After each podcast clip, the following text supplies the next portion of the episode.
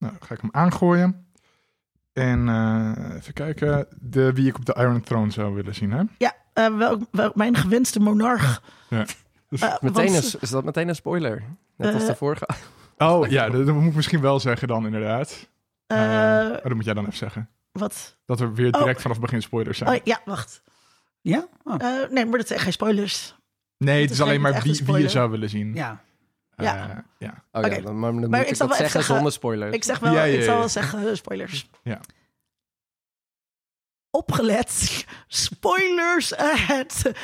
Misschien al wel, daar zijn we niet helemaal over uit. Misschien al wel meteen vanaf de eerste minuut. Dus als je House of the Dragon nog niet of nog niet afgekeken hebt, stop met luisteren nu. Mijn naam is Tom Aalmoes. En mijn gewenste monarch in House of the Dragon is Sir Lionel Strong. Hij lijkt het allemaal best wel door te hebben. Hij geeft goed advies aan de koning. Eh, hij heeft zijn hart blijkbaar op de goede plek zitten. Ehm, ja, wat wil je nog meer? Mijn naam is Sikko de Knecht en mijn gewenste monarch op de ijzeren troon is The Queen That Never Was, Renice. Recht door zee en bloedeerlijk. Mijn naam is Sonny Kemkes en eh, ik ga ook voor Renice. Ehm, omdat zij gewoon de queen that should be misschien wel moet zijn. Ehm, ja, toont heel veel restraint en een, gewoon een royale uitstraling. En ja, een van de mensen die het eigenlijk wel gunt. En, en als zij het al was geweest, was hij deze, de- Ja, deze precies, zooi niet geen gehad. serie Ja. gehad. Dan hadden we al die story niet gehad. Mijn naam is Linda Duits en mijn gewenste monarch op de Iron Throne is een gekozen volksvertegenwoordiger. dus helemaal, Ik wist dat Eh, een van jullie twee dit ging helemaal geen eh, monarch. Ik ben een democraat en eh, dit hele incestverhaal laat ook maar weer eens zien eh, wat er mis is met al die ehm vorstenhuizen. We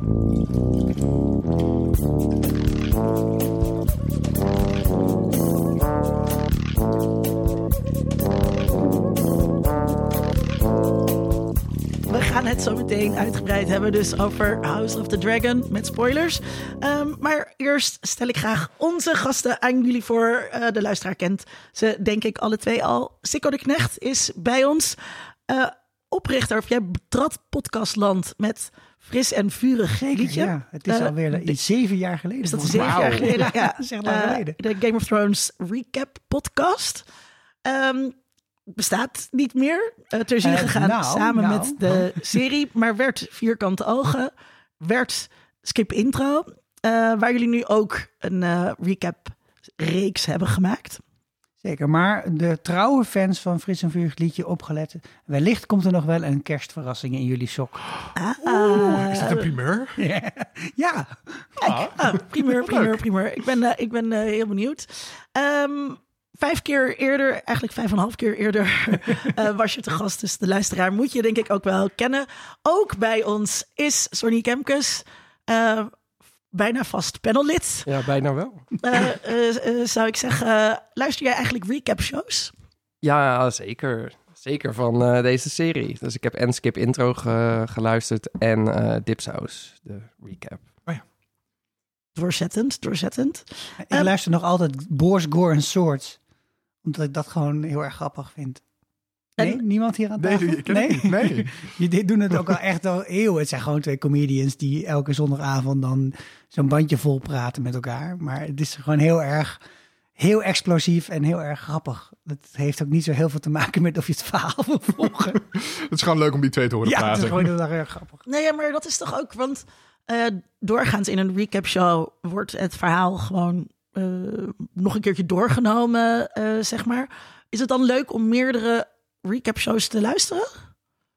Ik vind van wel, ja. Dus, eh, in ieder geval, de twee die ik heb geluisterd waren wel verschillende invalshoeken. Dus daar zaten wel, ja, zaten wel interessante dingen in. Ja. Waar ik er ook nog niet over nagedacht had. En luister jij dat dan eerst of... ehm, Nee, dat is onmogelijk bij Skip Intro. Want wij nemen het echt wel eh, op maandag gelijk al op. Dus heel misschien dat ik nog een vleugje mee kan pikken van Boris Gore en Soort. Die zijn vaak vrij snel. Maar ik luisterde eh, met Game of Thrones eigenlijk ook altijd wel Cast of Kings. met Joanna Robinson en David Chen. eh, dat veel meer vanuit zo'n eh, wat meer Vanity Fair en wat meer hoe maak je nou series-achtig Hmm. perspectief was. En dat was ook wel informatief. En dan was er ook nog de History of Westeros, wat ik altijd luisterde. En daar gingen mensen gewoon eigenlijk met een ja, ongelooflijk traag tempo door die boek heen. Ja. ja. Eh, Ik vroeg jou toen we de planning aan het eh, maken waren voor dit najaar. En er zijn natuurlijk drie grote eh, eh, series. Dus ik vroeg je of je liever eh, Lottertrop of eh, Hot Day had. Had die had. En je was volmondig Had die. hierop. Dat begrijp ik dan nu ook een beetje beter. Ja, maar dat moet ook wel als, als soort van oprichter van Frits en Vurig liedje. Ja, en ik, volgens mij vroegen jullie het ergens na twee of drie afleveringen. En toen had ik al wel zoiets van... ah, ik denk dat ik hem wel heb, welke mijn favoriet gaat Ja, ja, worden. En dat is ook niet echt meer veranderd. Kijk, voel geen balrog tegenop. we gaan er zo eh, over verder praten. Maar eerst eh, de terugblik. Eh Sonny, zou ik jou laten beginnen? Ja, ehm, ja, deze was lastig, want ik heb zoveel gezien. Eh, we nemen dit natuurlijk op op eh, Halloween. Oh, ja. Eh, Dus eh, ik heb mijn best gedaan deze oktober. En ik heb denk ik zeker 35 horrorfilms gezien. Wauw. Ehm, dus meer, dan je- meer dan één per dag. ja, Ja. dus dan moet ik natuurlijk ook een horrorfilm zeggen. Eh, Halloween Ends. Nog meer in het thema. Ehm, maar ik vond hem echt verschrikkelijk. Echt. Echt. We- We wilden de zaal uitlopen. Zo erg. Ja. Waarom? Het is... Het voelt niet echt als een Halloween-film. Het, het, het is een soort romantisch drama eigenlijk... met de kleindochter van eh, Jamie Lee Curtis... eh, die dan verliefd wordt op een jongen. eh, en ik denk heel de tijd, wat, waar zit ik naar te kijken? Wat is dit? En de vorige was ook al niet goed... waarin een soort gekke menigte... Het had een waarschuwing kunnen zijn. Ja, Michael Myers wilde vermoorden. Maar die vind ik achteraf dan nog veel beter dan dit. Ja, het werkte gewoon echt niet voor mij. En Jamie Lee Curtis, die... Ja, dit is dan je laatste film. Dit is natuurlijk de laatste film. Ehm, ja, die dan de hele tijd een beetje een boek zit te schrijven over haar ervaringen. En het, het voelt heel erg Sex in the City. Van, dan is zo aan het typen van... In the end I was thi- thinking... Oh, had I become the monster? Oh god. Oh nee. Dat, dat, dat zegt ze niet, dat schrijft ze niet, maar zo voelde het wel. En eh, ja, ik vond het gewoon echt, niet- echt niet goed. Dus dat, eh, jammer. dat is een afrader. Ja, moeten ze daar ook gewoon... Waarom trekken ze daar nog hele- aan? Geld. Ja. Maar ja, die regisseur probeerde dus echt iets anders te doen. Wat ik normaal wel kan waarderen. Want Halloween 3 bijvoorbeeld, waar Michael Myers niet in zit. eh, die een soort kritiek is op, op het kapitalisme. Die vond ik heel tof. Ehm, alleen hier, ja, het, wer- het werkte gewoon echt niet voor mij. Er zitten twee leuke kills in. Ja, dat was het. Ik Volgens dacht mij dat gaf ik het een Hallo- 3. Halloween H2O, eh 20 jaar, Ja, Dat- LL Cool J. dat dat, dat dat zeg maar de afsluiter moest zijn. Zo nog een jubileumversie en dan is het klaar. Ja, maar, dat nu hebben ze dus dit gereboot nu met deze trilogie. Eh, ja, hadden ze beter niet kunnen doen. Ja. Maar ja. ja. Heb je nog een tip ook? Ja, ik heb een tip. Eh, Bros, de nieuwe gay romantische comedy. Ja. Ehm, ik was naar de première vorige week met Billy Eichner en hoe heet hij? Eh, zijn achternaam is McFarlane. Luke? Ik weet niet. Eh, ja, echt keihard gelachen. Echt superleuk. En eh, het, het idee is ook een beetje van... ja, we krijgen nu, wij krijgen nu meer van dit soort films. Alleen daarin is steeds het idee van... Homo's zijn niet echt anders dan hetero's. En deze film zegt... Homo's zijn heel anders dan hetero's. En hebben hele andere relaties. En dat gaan we gewoon laten zien. En het is heel... Bijna pijnlijk realistisch soms. Eh, maar echt super grappig. En aan het einde ook nog een traantje gelaten. Goed zo. Dat is, eh, dat is echt een tip. Ik, eh, er was vorig, vorig jaar of dit jaar die serie Uncoupled met ehm, Neil Patrick Ja. Harris. Ja, daar En- deed het een beetje aan denken. Maar daar is wel, dat vond ik heel erg ingestoken, zeg maar, vanuit ehm, de witte middenklasse homo-man, die eigenlijk niet echt een ander leven leidt Ja. dan witte middenklasse hetero-mannen in Mhm. New York, zeg maar. Wat Ehm, ook, ook zijn hele brand is natuurlijk. Ja, maar dat, dat vond ik dus, ja, toen dacht ik echt, oh, oké, als dit dan de gay representatie is. Nou ja, Billy Eichner speelt wel een, een podcaster. Eh, eh, die het heeft over relaties en zo. Maar ehm, Nee, ja, misschien de dingen die in Uncoupled heel erg... De meest heftige dingen daaruit zijn hier ongeveer de standaard. Dus dat, eh, dat vond ik echt super leuk gedaan. En heel de zaal lag plat. Dus eh, Cool. heel tof. Sikko. Ehm, ja, nou, je, je inspireert me door het Halloween-idee. Ehm, ik was zo waar naar de film kort geleden met mijn vrouw. En dat was omdat wij eh, onze kinderen hadden gedumpt ergens en, en naar Londen waren gegaan. En toen eh, hadden we zo'n zo, zo'n gek momentje op de dag. dat, Nou, we kunnen misschien wel naar de film. Dus je Ja. gaat hier met een weekendje weg naar ja, Londen en je denkt, naar de film. een bioscoop? What is this magical place? En ehm, toen heb ik Bodies, Bodies, Bodies gezien. Oh, Ja. Eh, geregisseerd door niemand minder dan Alina Rijn. Met een eh, vrij jonge cast. Met ook eh, die Pieter nog iets uit eh, SNL. En eh, het gaat over een groep eh, teenagers die in Die is een niet zo huis heel zitten. jong trouwens. Nee, die zijn niet zo jong meer. En nee, maar die speelt altijd een jong Ja. iemand bij SNL. En eh, zij zijn eh, allemaal veel te rijk en allemaal veel te eh, goed af. En ze zitten in een eh, veel te groot huis, terwijl er buiten een grote storm is. En dan sterft er iemand. Oeh, Ik vond het een bijzonder grappig, eh, deze film. En ook een heel leuk klinkt heel verhaal. Agatha Christie-achtig. ja, het- and then there were none. Ja. Ja, ja, eh, ja zeker. en da- daarmee heb ik genoeg gezegd. Dat was echt leuk. En eh, verder eh, ben ik de White Lotus aan het eh, kijken. Ah. Om, in de hoop dat ik nog een plekje bij Skip Intro kan bemachtigen in een van de panels de aankomende weken. En Want zij gaan hem ook weer helemaal recappen. Ja, ja. Waarom eigenlijk eh, eh, The White Lotus? Want eh, kijk, dat jullie eh Hot Day hebben gedaan, dat snap ik. Mhm. Ehm, en Undercover natuurlijk met Vierkante Ogen show. Dus wel redelijk, zeg maar, de dingen voor de fans. Maar The White Lotus was redelijk onder de radar, had ik Ja. het idee. Ja, als je het afzet tegen andere series die je nu zou kunnen doen, zijn de meeste daarvan series die gewoon in één keer uitkomen. Dus ik wilde zelf heel graag The Crown doen. Alleen dat heeft dus ook dat nare eh, smaakje dat het gewoon in één keer helemaal gereleased wordt. En dan is het recappen in je beleving gewoon als kijker niet heel erg relevant. Je Nee. gaat dan denk je, nou, eh, kan je, dat sla ik even over. Ik sla deze podcast. En de anticipation intercalation is gewoon er niet. Ja, Eh, dus eigenlijk de meeste die in aanmerking kwamen voor zeg maar goed genoeg voor ook een lekker groot publiek en zo, die, die hadden dat eh, als, als eigenschap. En dan is de White Lotus, ja, ik moet eerst zeggen, ik, ik ken het dus nog niet, maar ik ga het blind vertrouwen ik op eh, mijn podcast eh, eh, vriendinnen bij Skip Intro, die zeggen, dit moet je gewoon kijken, dat het dat de ene Tom Aalmoes ooit mee heeft gewerkt met het overtuigen dat het Succession in de vierkante ogen moet. ik gelijk, En, of? en het was fenomenaal, toch? Ja. Het was fenomenaal. Dank je. Dus ik, ga gewoon, ik vaar gewoon blind op ze. En Ja. eh, ik vind tot nu toe vind ik het leuk. Ehm, Oei, eh, wij hebben een aflevering over The White Lotus. Ja. Dus ja, eh, luister. met Emma Curvis, was luister- hartstikke ja. leuk. Ehm, ik ben Dungeons and Daddies aan het luisteren. Klinkt als een BDSM-podcast. Is het niet. Staat ook in de ondertitel op het artwork. Not a BDSM-podcast. Jammer. Ja, er zit soms wel wat in, maar hè, daar gaat het niet over. Het is een D&D-podcast ehm, waarin vier suburban dads naar de setting van Dungeons Dragons, The Forgotten Realms, worden geteleporteerd samen met hun zoons. En hun zoons verdwijnen en dan moeten ze hem gaan redden. En het is een van de meest grappige dingen die ik ooit geluisterd heb. Ik zat hem onderweg hier naartoe op de fiets te luisteren. En ik zat alleen maar te grinniken. Want alle vier de dads zijn gigantische, overdreven stereotypes van vaders. Dus de, je hebt een barbarian. En dat is een soccer, nee, een voetbalcoach dad. Je hebt een druid. En dat is een soort van granola bar, outdoorsy, Birkenstock-achtige dad. Neil Patrick Harris.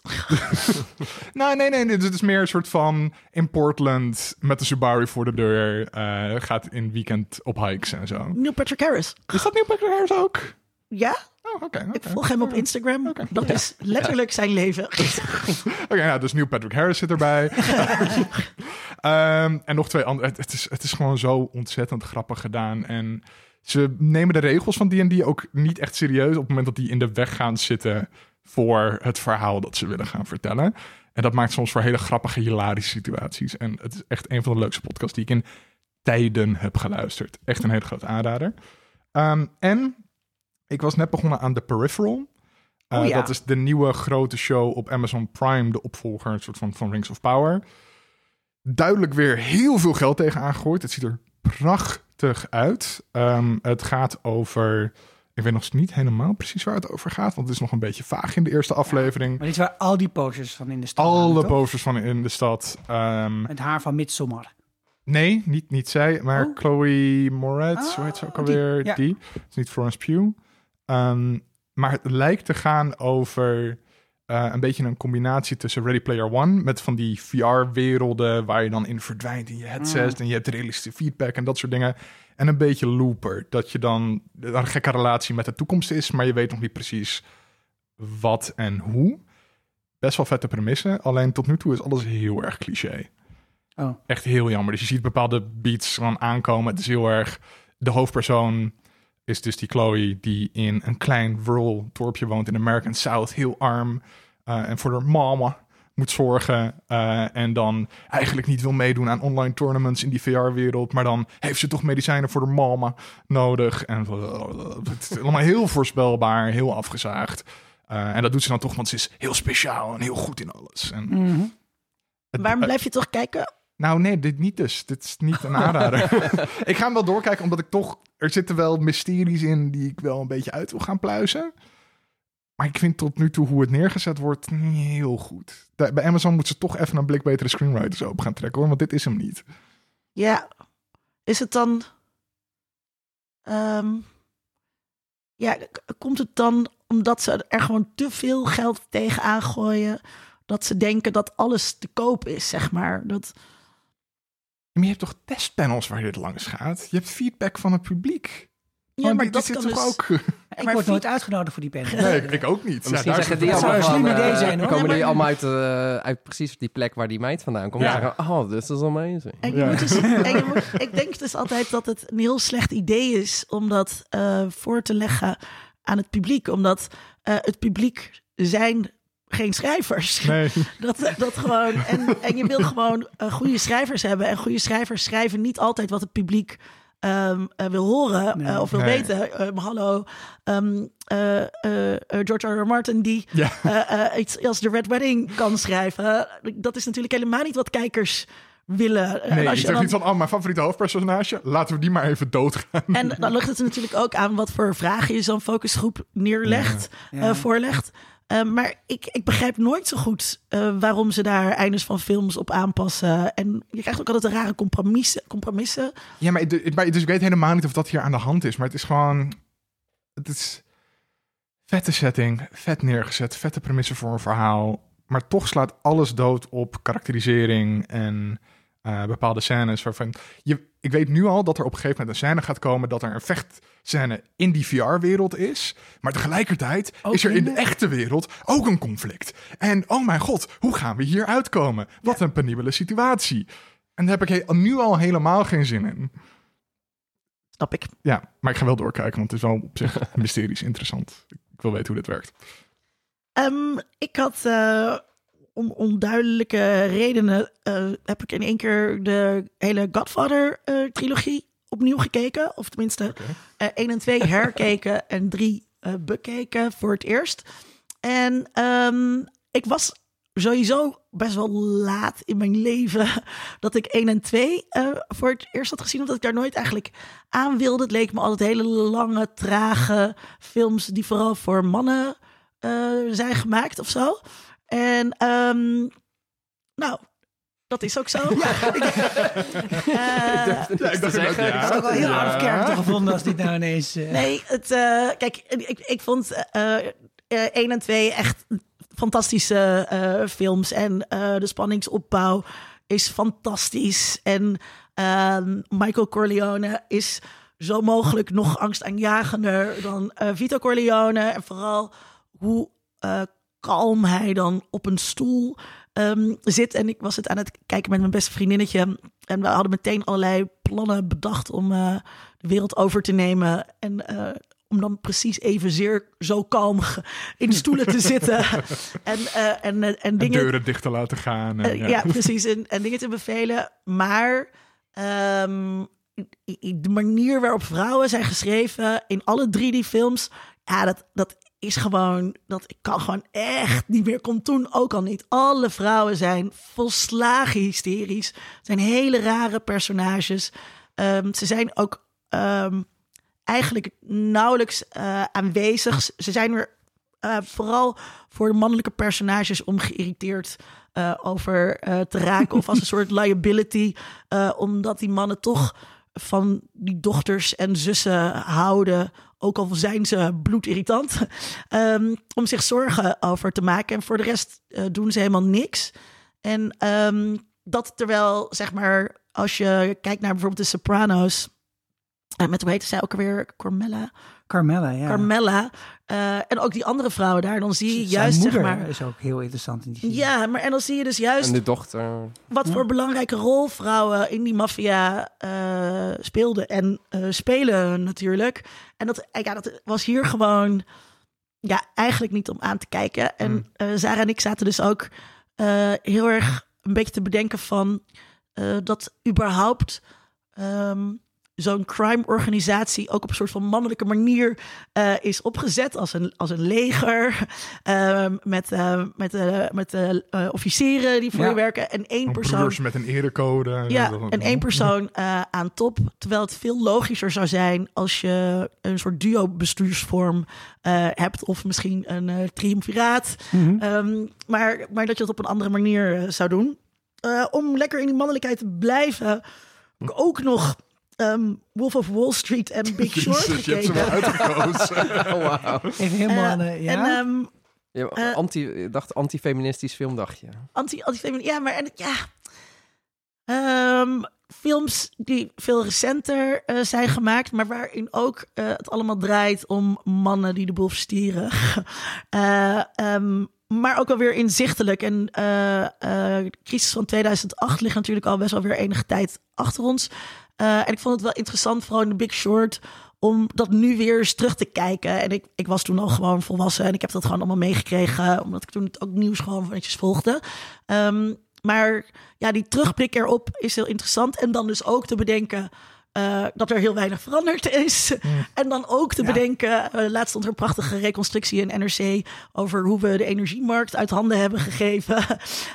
Dat, je, dat er dus gewoon van hogerhand allerlei hele slechte beslissingen worden gemaakt die heel veel burgers ehm, beïnvloeden. Ehm daar tegenover wou ik ook nog iets zeggen, eh, anders zetten. Er zijn een beetje veel dingen, weet ik Tom, maar eh, ik, ik praat gewoon verder. er wel uit. Ehm, eh, ik had hem vorige keer al vooruitgeblikt, maar ehm Dairy Girls, het laatste ja. uh, seizoen. Uh, en dat is dus wel een hele feministische serie. En wat ik vorige keer ook al zei, je merkt ook gewoon dat dat door een vrouw is geschreven, dat er een hele andere manier van verhalen vertellen uh, gebeurt. Dairy Girls speelt zich af in um, Noord-Ierland, in het plaatsje Derry. het gaat over een groepje pubermeisjes die daar opgroeien tegen het licht van de burgeroorlog. Uh, die tot een einde komt in de jaren negentig. Uh, nu uh, is er eindelijk vrede. En een van de personages zegt dan... I'm so sick and tired of peace. Omdat ze gewoon met haar leven bezig is. En jongens en gewoon meidenproblemen. Ik vind dat een hele toffe serie. Er zit een hele leuke cameo in van, van Liam Neeson. Oh. als dat je ding is. Is zijn dochter ontvoerd? Ik zeg niks.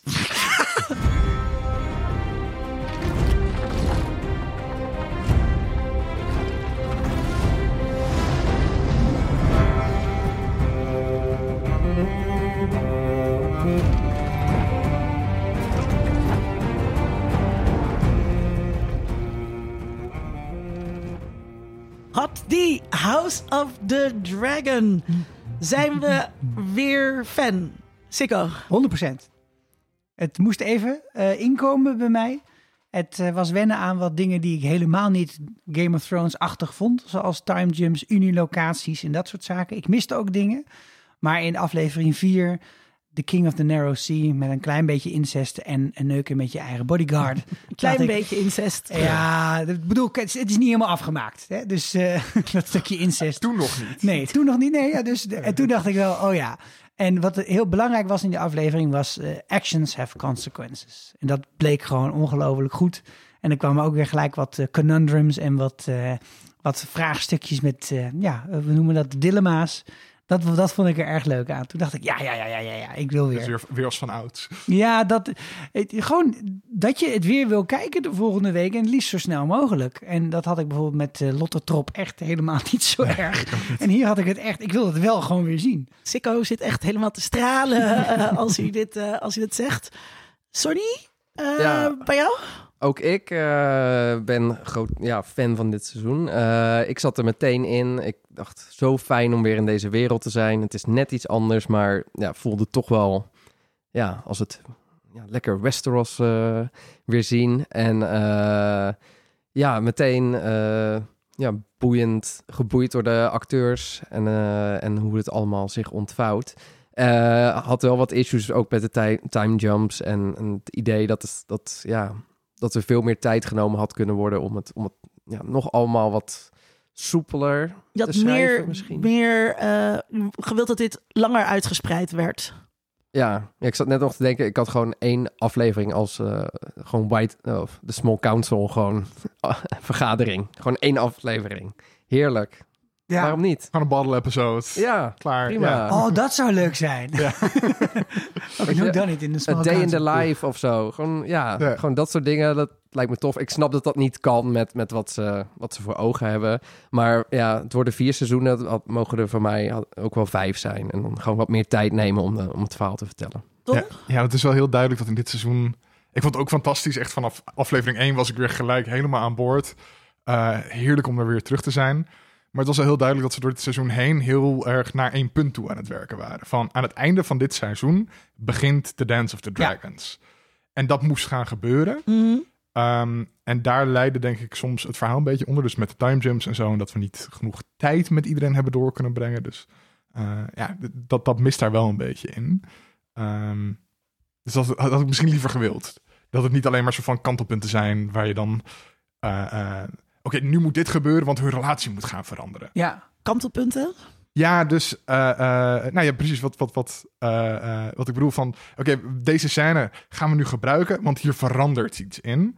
En wat je denk ik bij Game of Thrones meer had, was dat je momenten had waarin gewoon puur een personage beter uit de verf kwam. Dat je iemand beter leerde kennen, dat je de wereld beter leerde snappen. stukje wandelen in de tuin. Stukje wandelen in de tuin. Eh, Gebeurde heel vaak. Een ja. heel stuk wandelen naar het noorden. Ja, ja. ja. Want dingen kosten tijd. Ja, En nu, nu wandelen ze alleen, alleen in de tuin als je met een 12-jarige moet trouwen. Oh, dat was een fantastische scène. Dat Ja, vond ik zo ook grappig. maar hele kleine stukjes eh, wandelen, ze, wandelen, stuk, wandelen ja. ze dan. Ehm, ik, eh, ik, ik, ja, eh, ik had aan het begin, eh, zat ik er niet meteen eh, in. Ik dacht echt zo, oké, ehm, ja, wat staat er op het spel? Oké, troonopvolging, ook, het is eh, een Game of Thrones. eh. Ehm, maar ik voelde niet zo goed eh, die heftigheid die ik bij Game of Thrones wel voelde. Maar toen bleek ook dat my mind was playing tricks on me. Want in mijn herinnering ging dus Robert Baratheon al meteen in de eerste aflevering neer. Ja, maar namen ze dus de tijd. Ja. Maar dat was helemaal niet zo. Dat is dus, was dus ergens halverwege eh, het seizoen. Dus het duurde bij mij ook wel een tijdje voordat ik er echt eh, voordat ik erdoor gegrepen werd. En ook snapte wat het idee ging zijn eh, of zo. Mhm. Ja. Ehm, want ehm, het is bijna eigenlijk alsof eh, ze hebben gekeken naar inderdaad van wat is belangrijk eh, voor deze geschiedenis. Aan al die scènes, die knippen we uit een, uit, een, uit een langer verhaal en die zetten we achter elkaar. En zo eh, is het één lange aanloop. Want nu moet het eigenlijk nog pas gaan beginnen. Ja, Ja, Sikko, jij hebt het boek gelezen voor dat we eh, eh, voor de serie zeker. uitkwam. Ja. Heb je dan niet het idee dat ze van de greatest hits daar aan het uitzoeken zijn met de Ehm, scènes? Nee, daar kun je op, het, op meerdere manieren naar kijken. Want eh, we komen er wat langer over te spreken straks, dan hopelijk nog. Maar dit is, dit is slechts een heel klein onderdeel van het boek, Hmm. relatief. Dus het boek is echt gewoon 500 pagina's eh, lang of iets in die richting. En dit begint echt pas op de helft van dat Ja. boek. Het is een heel groot ding van de Aegon's Conquest. En allemaal dingen die krijg je niet mee. Eh, De Great Council of Harrenhal is in het boek toch wel een groter ding dan die... Twee minuten die, en dan is het klaar. Als het en- dat al was. Ja, en eh, wat, wat ik wel denk, is dat ze inderdaad hebben gekeken welke dingen moeten er gebeuren. Ze hebben heel erg gefocust op de relatie Rhaenyra en Alicent. Maar ze hebben niet de vrijheid genomen om een beetje te fantaseren daaromheen. Dus ik zit eigenlijk wel in het kamp van Sonny. Van mij had het voor mij ook wel gewoon... ja, nog twee, drie seizoenen of zo mogen duren, al, dit al dit gekonkel. Want het, dus de time jumps hadden ze volgens mij gewoon dan mogen doen tussen de seizoenen of zoiets. En dan hadden ze in het eerste seizoen dat hele stuk mogen doen. Wat, en hierdoor bleef er ook een vreemd soort spanning steeds hangen.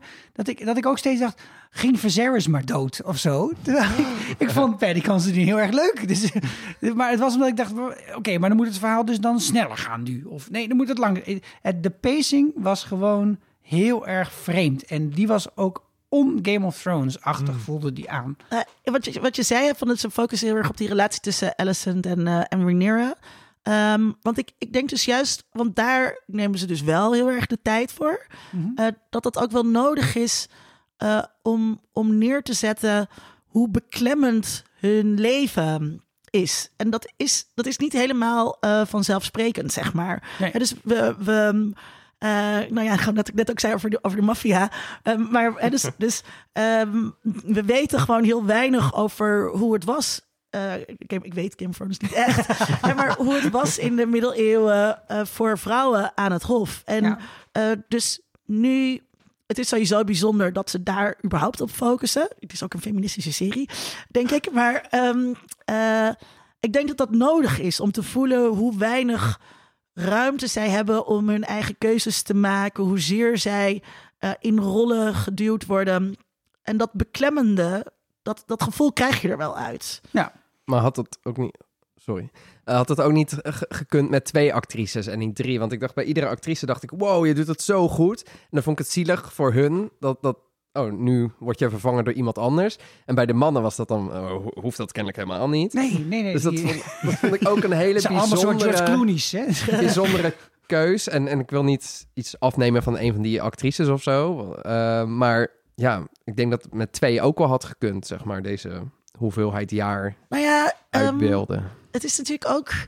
ehm, ja, want, want dat is, een volgende vraag, die, die slaat erbij aan. Van waar, waar ligt onze sympathie eigenlijk? En ik denk eh, dat, ehm, dat, het, dat de serie zo gemaakt is dat die bij Rhaenyra komt eh, eh, te liggen. Dus we beginnen met haar. Ze is zo onschuldig. Daarom moet ze dus ook eh, door een jongere actrice gespeeld worden. Ze is blond en ze heeft de hele tijd witte kleding aan. En het is nog een jong meisje. Terwijl, ehm, mm, ja, eigenlijk is misschien niet helemaal terecht dat onze sympathie daar ligt. Lag jullie sympathie bij hun? Voor wie zijn jullie? Sorry, die komt. De, de kat komt weer langslopen, zoals elke aflevering. Eh, mijn denkt, sympathie ik ben ook eh, ligt duidelijk bij Rhaenyra. Ehm, en dat is niet omdat ik denk dat zij de goede is of zo, maar ik, ik denk dat zij de beste claim heeft op de troon. Oh, Eh, niet, niet alleen dat, want ik vind Alicent ook gewoon eigenlijk auw, bloedirritant. Met heel erg een soort van holier than thou mentaliteit. En Rhaenyra mag wel lol hebben en ik niet, dus daarom misgun ik haar alles. Wat Christian Cole ook heeft. Eh, ja, nee, dus daarom ligt mijn sympathie gewoon meer bij Rhaenyra. Ja, eh Alicent die trouwens ook eh, gewoon haar ex-lover soort van voor haar ogen laat bungelen. Ja. Ja, vond ik ook, vond ik ook een kutactie. Ja. En sowieso eh deadfuckers. Ja, deadfuckers, ja. Het is niet alsof ze daar zelf voor gekozen heeft, want daar ligt wel nog mijn sympathie bij Nee, Want zij al. heeft niet gekozen voor de plek waar zij nu het in zit. is, hoor. Even... Maar ik had wel momenten dat ik echt dacht van... Het moment dat zij later die, eh, die zaal inkomt... Ja, Dat ik echt dacht van... Nou, dit is wel een eh, girlboss move. ja. Dus dat is het moment dat ze in een groene jurk Ja, die precies. balzaal binnenkomt En dan denk ik van, oeh, dit is, dit is interessant. En dan, ja, dan gebeurt daar later, dan denk ik van, oh, nu moet ik dan misschien voor jou zijn. Maar dat, ja, er gebeurt dan te weinig mee, denk ik, waardoor ik dan ook meer aan Rhaenyra's. jij bent ook voor de zwarte? Volgens mij moeten we dit meer zien als een team. En niet zozeer als alleen dat individu. Ja. Dus volgens mij wat ze hebben geprobeerd, en dat zeggen de showrunners ook, is ze hebben het geprobeerd dat die teams een beetje uit te balanceren. Want hè, Team Black heeft wel Damon. Hè? Ja, we en Damon is wel weten dat ze ook Damon hebben. En, en, en, en dat, dat groene team heeft, heeft ook gewoon Egon, die gewoon een beetje een sukkel is. Dus, nou, ik weet niet of, of nou eh, onaneren over het publiek vanuit een raam, of dat dan als plus of als min geld. Ik weet niet zeker. Maar eh, ze, ze hebben geprobeerd met die karakters. Minder wat- erg dan, eh, dan Joffrey uit Game of Thrones. Ja. Ja, precies. eh, kruisbogen op sekswerkers. Dat is toch ander, dat is Ja. een ander niveau. En ze hebben, ze hebben wel volgens mij heel erg hun best gedaan om een soort van leveling en een, hè, de, erin te brengen. En de- ja, die zoons van, van Rhaenyra zijn dan eigenlijk niet van Lenor, maar die zijn eigenlijk van Strong. En daar zit ook weer een, een bepaald Deze in. lastelijke praat hier aan tafel. Dat weet Ja. ik. Eh, I will have your tongue. Ja, en, en wat, het, wat het een beetje eh, misschien verneukt hier voor mij, dat, waardoor ik ook toch wel voor de zwarte ben in dit spel, is dat ik, eh, dat ik eerder heb gehoord van mensen dat ze het allemaal voor the realm doen. En eh, dat was ooit eh, onze, eh, onze eh, Spider Ja. die dat zei. En dat ik het van Otto gewoon niet geloof. Otto. Otto Hightower is gewoon... Ik, ik, ik geloof niet dat hij voor vrede is. Dat geloof ik gewoon niet. Ik had dus bij de tweede keer kijken, eh, pas zag ik pas, zeg maar, omdat je dan natuurlijk ook gewoon meer weet, hoe ontzettend eh, scheming eh, hij is en berekenend en, en echt gewoon eh, onbetrouwbaar hand eh, en Ja. alles moet langs hem en eh, I will, um, yes my king, maar ehm, hij heeft er wel aan gedacht en dat probeert hij dus de hele tijd te doen. Ja. Echt, ehm, Maar zo opzichtig ook. En dat Viserys daar dan een soort van... Oh, dit is mijn beste vriend. Pompie dompie domp. ja, want Ik kwam er wel heel laat achter, Ja. inderdaad. eh, Viserys, Ik hou van Ehm, Viserys. Ja, ik, ik, ik weet dat het een sukkel is, maar ik vind hem gewoon... Hij wil gewoon zo graag dat iedereen het gewoon naar zijn zin heeft. En dat ze aardig doen met elkaar. En het gebeurt maar niet. En hij snapt, dan gewoon, hij snapt dan ook gewoon niet dat hij die schreeuwt... Doe normaal allemaal, dat dat niks oplost. Hij Nee. heeft gewoon geen flauw idee hoe die Game of Thrones werkt. Nou, in die derde aflevering dat ze in het bos zijn en dat zij een, eh, een, eh, die- een reindeer of een, eh, een stag voor hem moeten gaan vinden. Om, Oh. nou, Oh ja. da- da- daar zit ook die prachtige scène in dat hij zegt van I'm done with this politicking. Ja. En ik vind het ook altijd heel leuk als mensen van politiek een werkwoord maken, want dat zijn mensen die niet van politiek houden. Ja. En, en hij is er gewoon helemaal klaar mee. En ja, eh, met een... Dat is natuurlijk ook nooit de bedoeling dat hij, eh, dat hij de koning zou worden. Nee, nee, dat was niet de bedoeling. En dat had hij waarschijnlijk ook niet gewild. En dat had natuurlijk gewoon Renice moeten zijn. Maar hij... Ja, ik, ik eh, ken inmiddels een beetje jouw standpunt over eh, royalty en over eh, monarchieën en dat soort dingen. Ergens is het charmant aan koninklijke huizen dat mensen die niet de macht per se willen hebben, de macht krijgen. Dat heeft wel iets interessants. Het is alleen wel echt heel erg zonde als dat mensen zijn die zeg maar dat daar ook niet in veranderen en daardoor niet daadwerkelijk keuzes maken voor het land wat ze moeten besturen. Ja. Ja. En daarvan is Viserys denk ik een heel goed voorbeeld. Iemand die dus, omdat hij het heel irritant en hè, zoals ik ook wel eens geen zin heb in een agenda-overleg thuis om te kijken wat er allemaal nog gaat gebeuren met schoonfamilies. Ja, zo, zo bestuurt hij een land. Ja. En dat is gewoon heel erg gevaarlijk. We gaan, eh, we gaan, eh, we gaan straks nog eh, verder doorpraten Maar- over strategie en de keuzes van de koning. Mogen we anders nog een ander team kiezen? Dan Oh, team, ja, ja, ja. Team Wit. Team Wie zijn dat dan? de people. Oh, Ah, ja. de aanvoering- the people. Onder God. aanvoering van de Wijdwurm. De wijswerm. Eh, ook daar, ook daar, Jij doet nu een eh, Frans accent, maar we, we weten niet, hè? ook daar wil ik er straks eh, wel over doorpraten, maar we zijn nog onder het kopje algemeen. Ehm, eh, productiewaarde, CGI, kwaliteit en storytelling. Is het goed? Iemand begint nu over draken. Nou ja, Dat ben jij dan waarschijnlijk. ga je gang. Ehm, af en toe wat gratuit ingevlogen. Oh, oh, Pun intended. ah. en eh, ja, dat, dat zit ook een beetje op die eerdere opmerkingen die je eerder ook al viel. Van, nou, je hebt gewoon veel geld te spenderen en wat ga je er dan mee doen? En dit was toch ook af en toe wel van, blijkbaar, the, the people want dragons, so we give them dragons.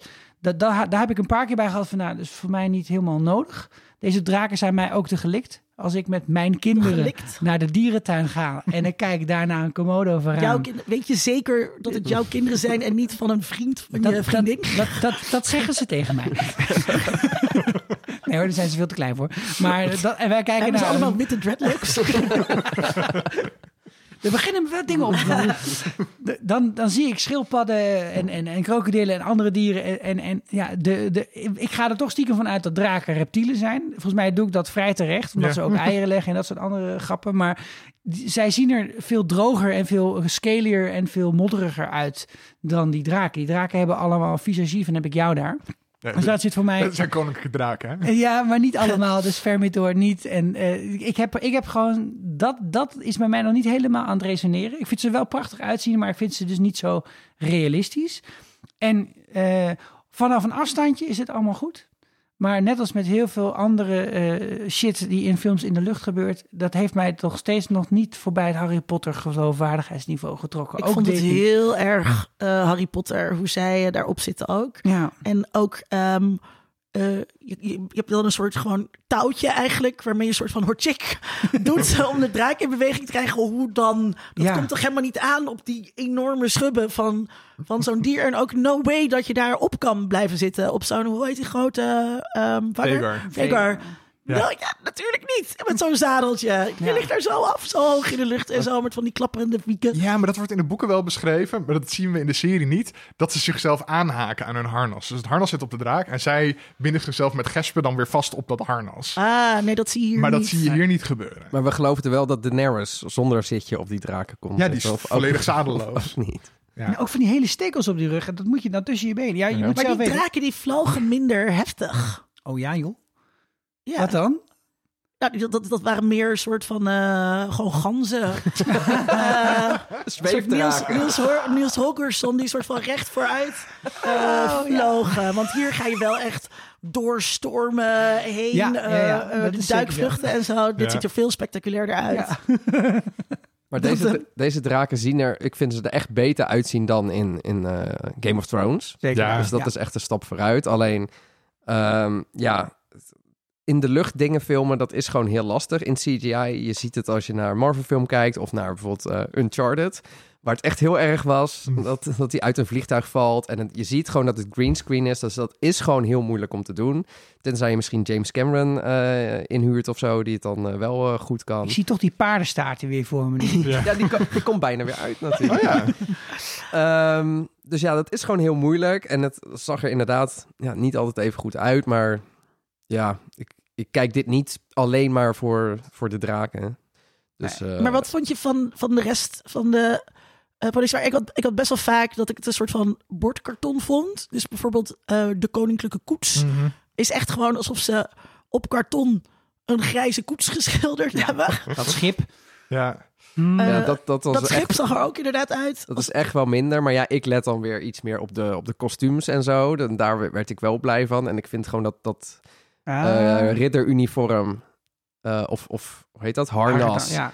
Ja, dat is echt. Nou, ik zou dat wel voor Halloween willen, willen hebben. Ik denk dat het heel wat kost. Maar duurde ook heel lang Kijk. voordat het uit was. ik, vind, Bij, eh, in aflevering 4. Ja. ik vind Sir Kristen verschrikkelijk. Maar ik denk wel steeds van. hm, als hij dat harnas aan heeft, denk ik toch van. Nou, nou ja, misschien.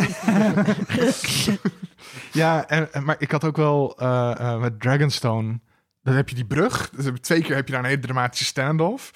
En het, het is gewoon zo overduidelijk dat ze gewoon voor een greenscreen staan. Ik snap dat met corona moesten ze op sets opnemen en zo, maar Ja. dit, dit deed hem toen toch niet. Wat ik wel vet vond trouwens, was eh, eh, het, het Koninklijk Kasteel. Mhm. Was gewoon, dat hebben ze helemaal uitgebouwd, niet als een set, maar alsof het een kasteel is. Zodat ze daar hele lange takes in konden maken. En dat heb je wel in de oefening van aflevering 6 volgens mij. Eerst met de volwassen Rhaenyra, haar bevalling. ja. En dat ze daarna gesummoned wordt door Alicent. En dan Helemaal volg je op. haar die hele eh, route af. Ja. Ja, dat, daar zie je dat daar heel veel geld en aandacht naartoe is Ja. gegaan. En dat ziet er fantastisch uit. Ja. viel mij ook heel erg op. eh, ik weet niet, het leek alsof ze heel erg hun best hebben gedaan om echt te laten zien dat het licht van kaarsen komt. Hmm. Er zijn overal heel veel eh, kaarsen.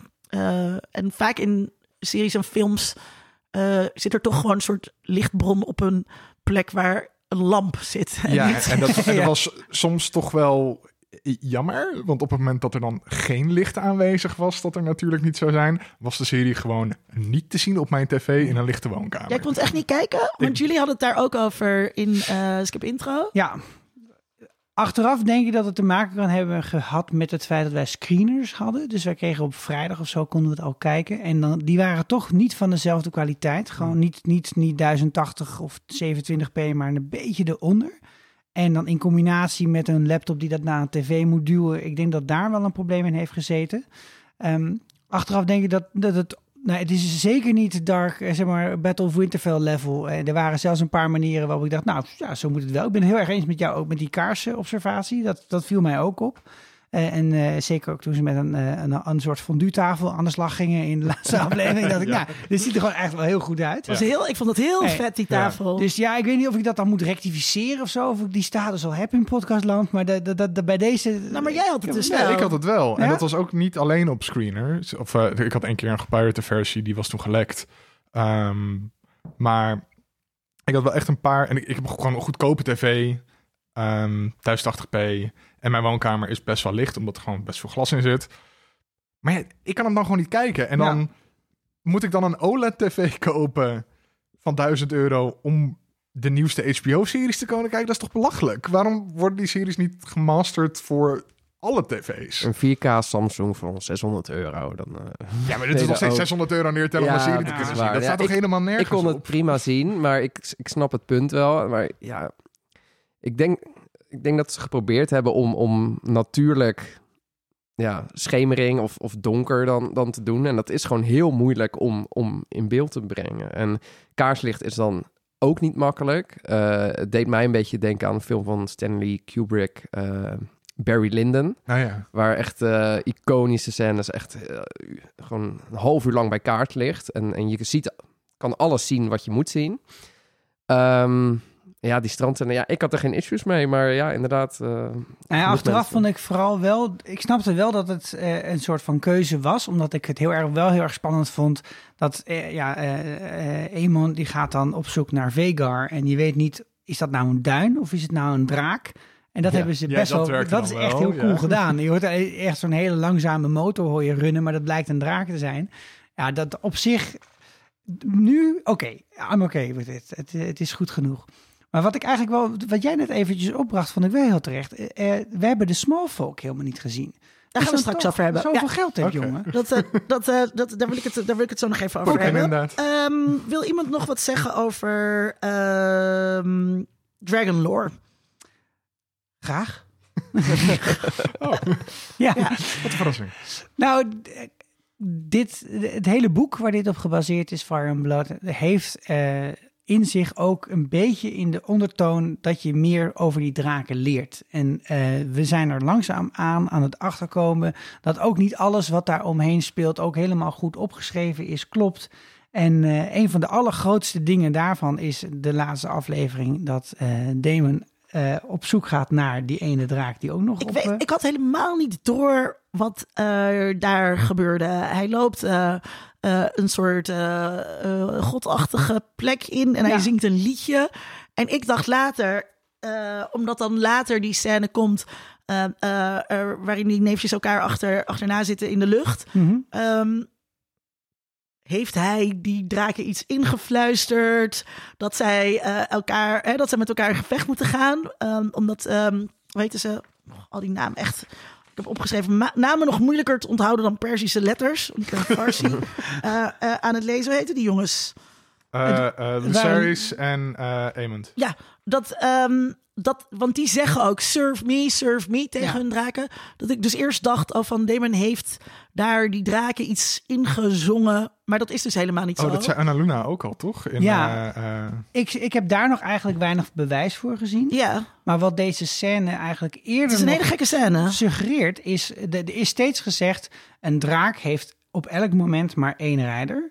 En een rijder kan maar één draak hebben. En nou gaan die, hè, die draken wat langer mee in de regel. Dus die kunnen nog eens een keer opnieuw verleid worden. Maar eh, er wordt altijd geda- gedaan alsof ze monogaam zijn.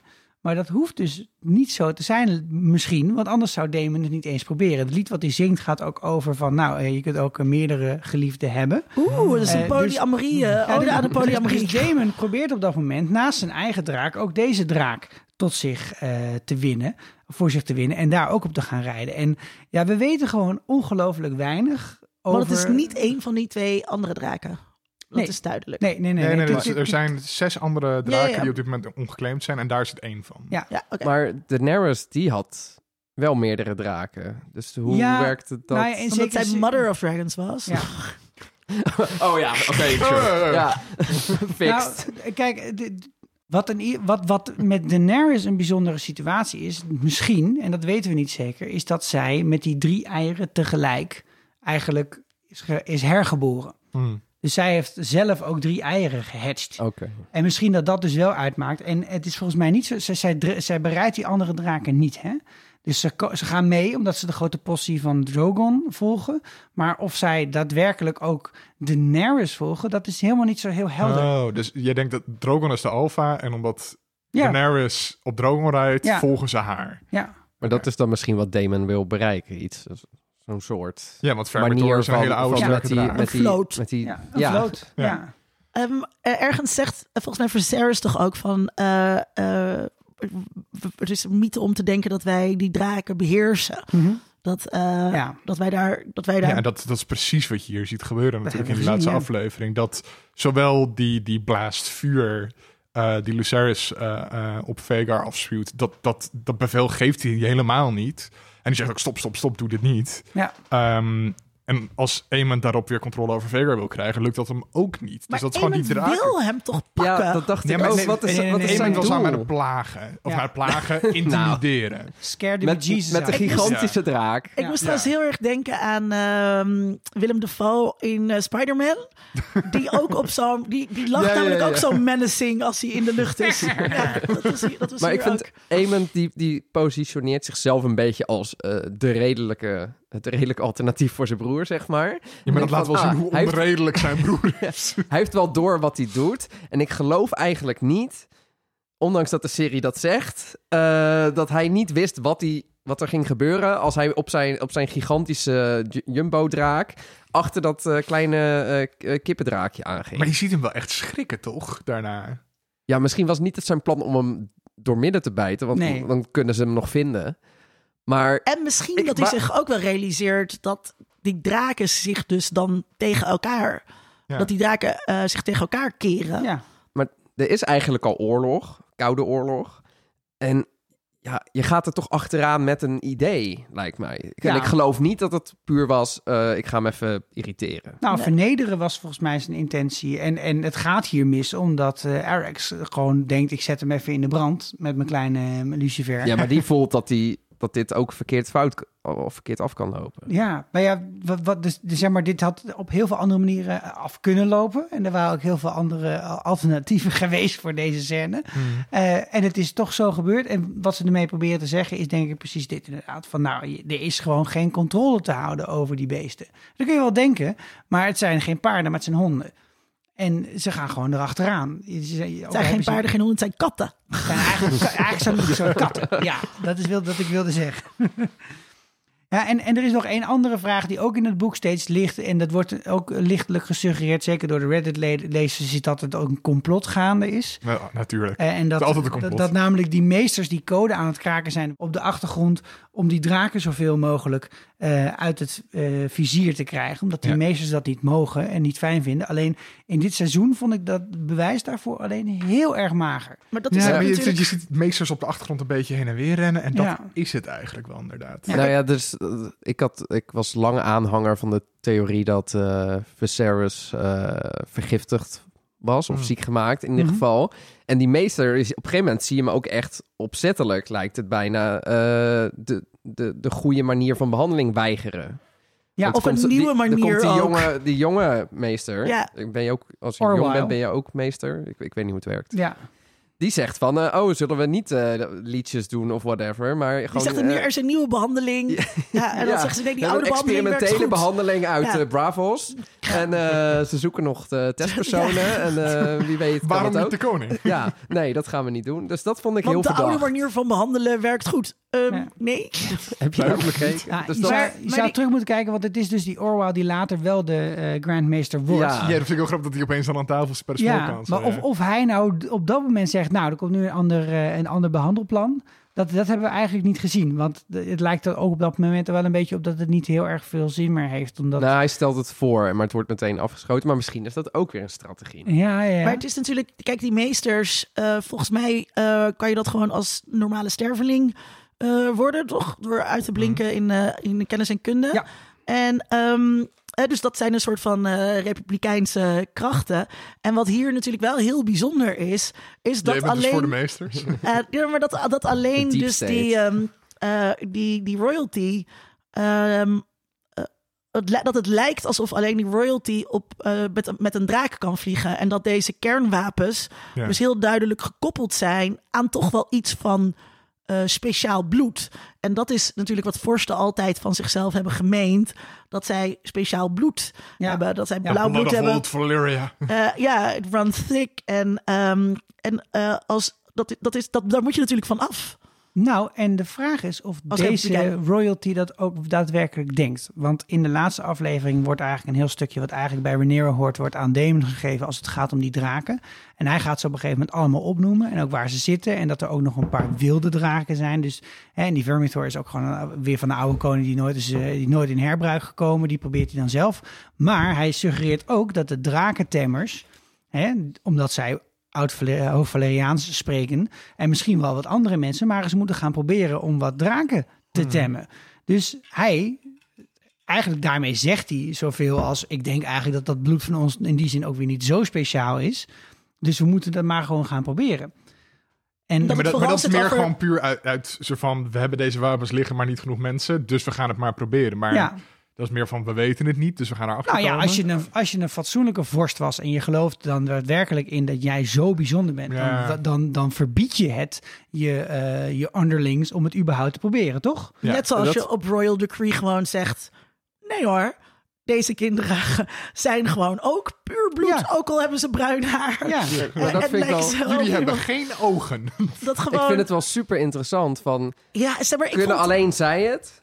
Of heeft gewoon nog niemand anders op Westeros het Exact. geprobeerd? Exact. Of heeft Ja. iemand, geven ze niemand anders de kans Ja, om dat, precies. om dat maar zij waren toch die van origine ook niet echt, eh, voordat ze naar Westeros kwamen, waren ze toch ook niet echt top of de Ze, waren nee, wel, nee. ze waren wel high lords, maar niet de highest of high lords. Ze hadden, ze hebben eigenlijk gewoon geluk gehad. Hertog van Amersfoort, zoiets. Dit is voor Amersfoort. Nou ja, en in die zin, dit, dit, dit biedt dus nog echt ongelooflijk veel kansen, eh, vind ik, voor de serie om allerlei soorten eh, CG eh, of fantasy uit te werken en, en te kijken wat er allemaal nog uit voortkomt. Er zijn nog, eigenlijk nog twee observaties, als het mag, Linda. Eén één is dat je blijkbaar, en dan moet ik heel goed kijken of ik het nou goed heb gezien, maar als je te veel incest doet, dan krijg je op een gegeven moment een soort kinderen die lijken op draken.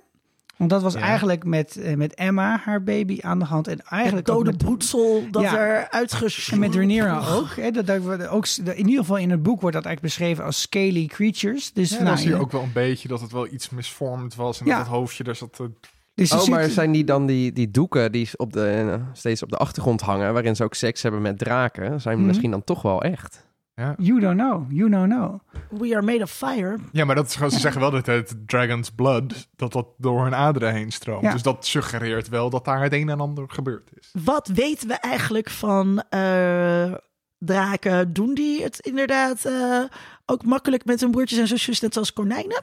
Volgens mij is dat dus een beetje een groot vraagteken in die wereld, ook voor de mensen zelf. Dat gewoon, eh, volgens mij wordt op een gegeven moment in een boek omschreven. Nee, dat wordt dus in een boek omschreven dat ze gewoon niet zo goed weten of een draak überhaupt een mannetje of een vrouwtje is, totdat eentje ineens eieren gaan leggen. Dus ze van, oh, het was blijkbaar een vrouwtje. Ja. Oké. En dat is ook alleen maar projectie. Want Ja. wie weet dat mannetjes draken geen eieren kan leggen? Wie- Hoe weten we dat nou zeker? Dus dat draak gewoon geen gender hebben. Mama, waar komen draken eitjes vandaan? Ja, eh, dat is de, denk ik wel een, een onderdeel wat we hier eh, gaan exploreren. En het andere wat ik toch meende te horen, is dat we een soort glimps krijgen op de vraag: wat was nou de Doom of Old Valyria? Hmm. Daar is eigenlijk altijd een beetje van uitgegaan, ook als je van die extra DVD-scènes had te kijken, dat het gewoon een soort vulkaanuitbarstingen moeten zijn geweest, et cetera. Ehm, Damon is ook wel in de boeken op zoek geweest naar wat er dan allemaal aan de hand is en is Is in Valoria geweest. geweest. Eh, is- wordt gesuggereerd, dus dat is niet echt een spoiler. Eh, maar ik kreeg ook een beetje het gevoel toen dus eh Viserys het had over Old Valyria, dat hij ergens ook impliceerde dat het gewoon de draken waren die het helemaal naar de gigagetver hebben geholpen. Ja. En dat ze op een of andere Ja. manier die draken niet, hè, dat, dat, dat ze niet voldoende hebben gezien dat ze die draken een soort eh, moesten dienen of zoiets. Ik weet niet wat daar exact aan de hand is geweest. Ja. En ik ben ook niet helemaal cool met het idee dat je dus zo'n dragon pit hebt, waarin die draken allemaal opgesloten Dat vind ik ook en heel raar. geketend zitten. ja. Terwijl op, op Dragonstone die beesten dan toch een soort van half even vrij. Dus Dan heb je scharreldraken. hier zit ook nog iets, en dat is helemaal in de categorie aluminium hoedje. Maar ja, als je het schrijft, dan is het niet ook meer. Hè? Ik, ik ben echt op, oprecht heel benieuwd wat daar nou aan de hand is. Volgens mij zit daar nog heel veel. eh, Ja, ik ben daar ook wel heel benieuwd naar, maar ik weet niet of ze de tijd gaan nemen om dat stukje te verkennen. Ja, ik, in ieder geval, als het ja. Amazon was geweest, zouden ze dat in een animatieserie doen. Oh, Om dat het- ja, ja, ja. Om het allemaal te vertellen. Damon Voor de echte fans, ja. is hier wel degene die. Ja, hij, wordt, eh, hij wordt in beeld gebracht dat hij op zoek gaat naar eieren. Hij is degene die eigenlijk ook helemaal zo uitlegt van. ah, dit is of eh, die en die, die zitten daar en daar. En ook eh, met zijn mooie lied wat hij heeft geschreven om een draak te verleiden. Ik, ik geef hem wel de rol van een soort Dragon Explorer. En misschien dat hij er ook wel achter komt wat die ene god op Dragonstone is met die eh, eh, obsidian en al die dingen, die tekeningen op de muur. Weet je nog? Ik ga dat, ik ga dat gebruiken. Wat? Oh, wacht. Maar dit Ja. is in het laatste seizoen... Van Game of Thrones. Ja. Dat is gewoon een totaal abandoned plotline. maar Die misschien terugkomt. wie, wie weet. Ik ga dit gebruiken eh, als eh, bruggetje om even te springen in het, eh, in het draaiboek naar het kopje macht, strategie en de keuzes van de koning. Ehm, Maar dat is zes pagina's verderop. ja, dat weet, dat weet ik. Maar ehm, want je kunt namelijk veel meer dan alleen maar de troon wensen door een bepaalde plek in line te hebben of bepaald broedsel voor te brengen. Ehm, eh, wat, wat je hier dus vertelt, hè, dus Damon die blijkt heel goed eh, eh, in kaart te hebben gebracht wat voor welke draken. Dit zijn kernwapens. je wilt toch weten, dat moeten andere mensen toch ook weer ergens bedacht hebben van wie zijn er nog meer, wie heeft wat. Eh, je moet daar Dus dat is even... een beetje van de koude, oor- eind van de Koude Oorlog... dat al die Russische kernwapens ineens... Woepsie, waar zijn ze heen? Liggen er nog een paar in Letland? Geen idee, is al lang niet Zou kunnen. ons. Ja. dat, dat ehm, eh, ehm, en eh, sowieso, eh, even kijken, waar heb ik dit opgeschreven?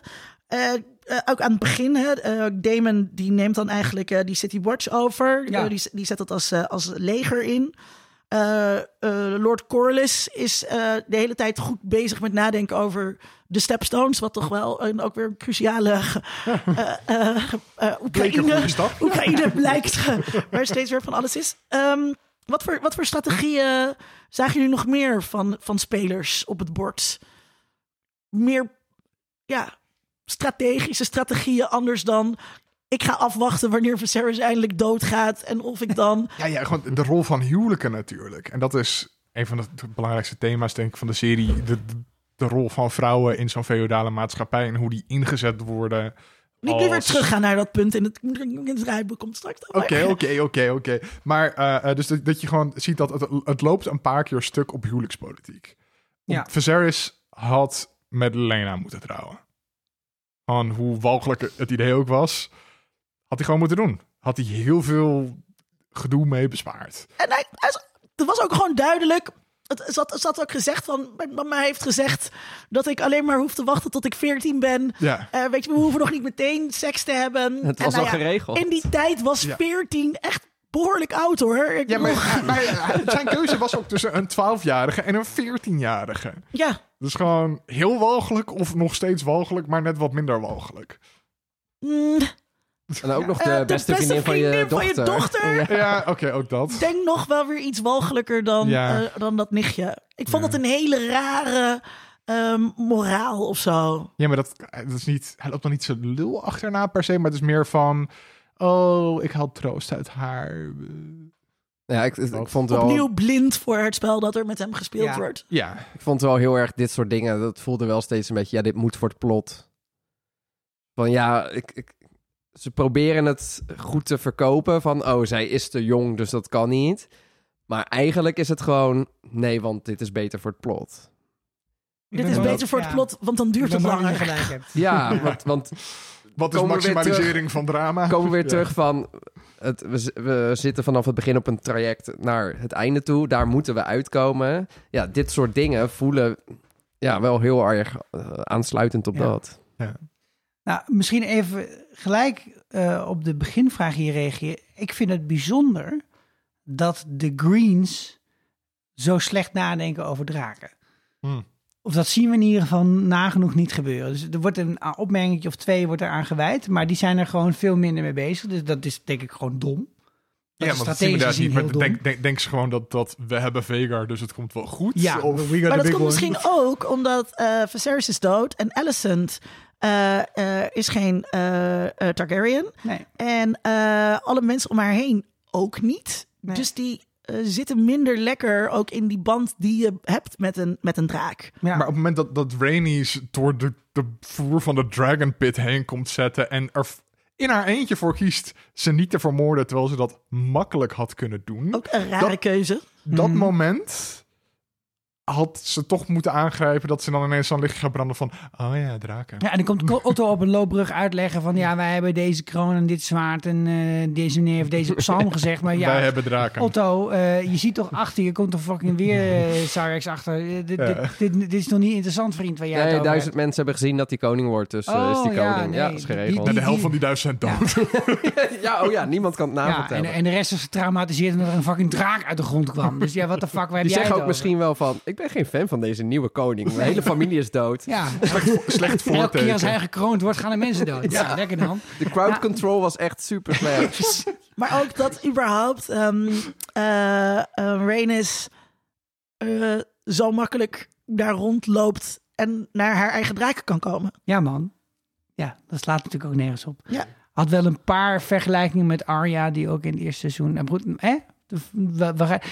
Je vraag is eigenlijk ook van welke andere strategieën zie je dat hij hier Ja. gebruikt. En, en dan kunnen we natuurlijk Laris, Cl- eh, Strong, de club der Foots, kunnen we niet vergeten te noemen. Ja. Want hij is eigenlijk een van de weinigen die het Game of Thrones aan het spelen is. Mhm. Zoals Ja, we dat kennen bewust, van ja. Littlefinger en Varys. En Otto Hightower.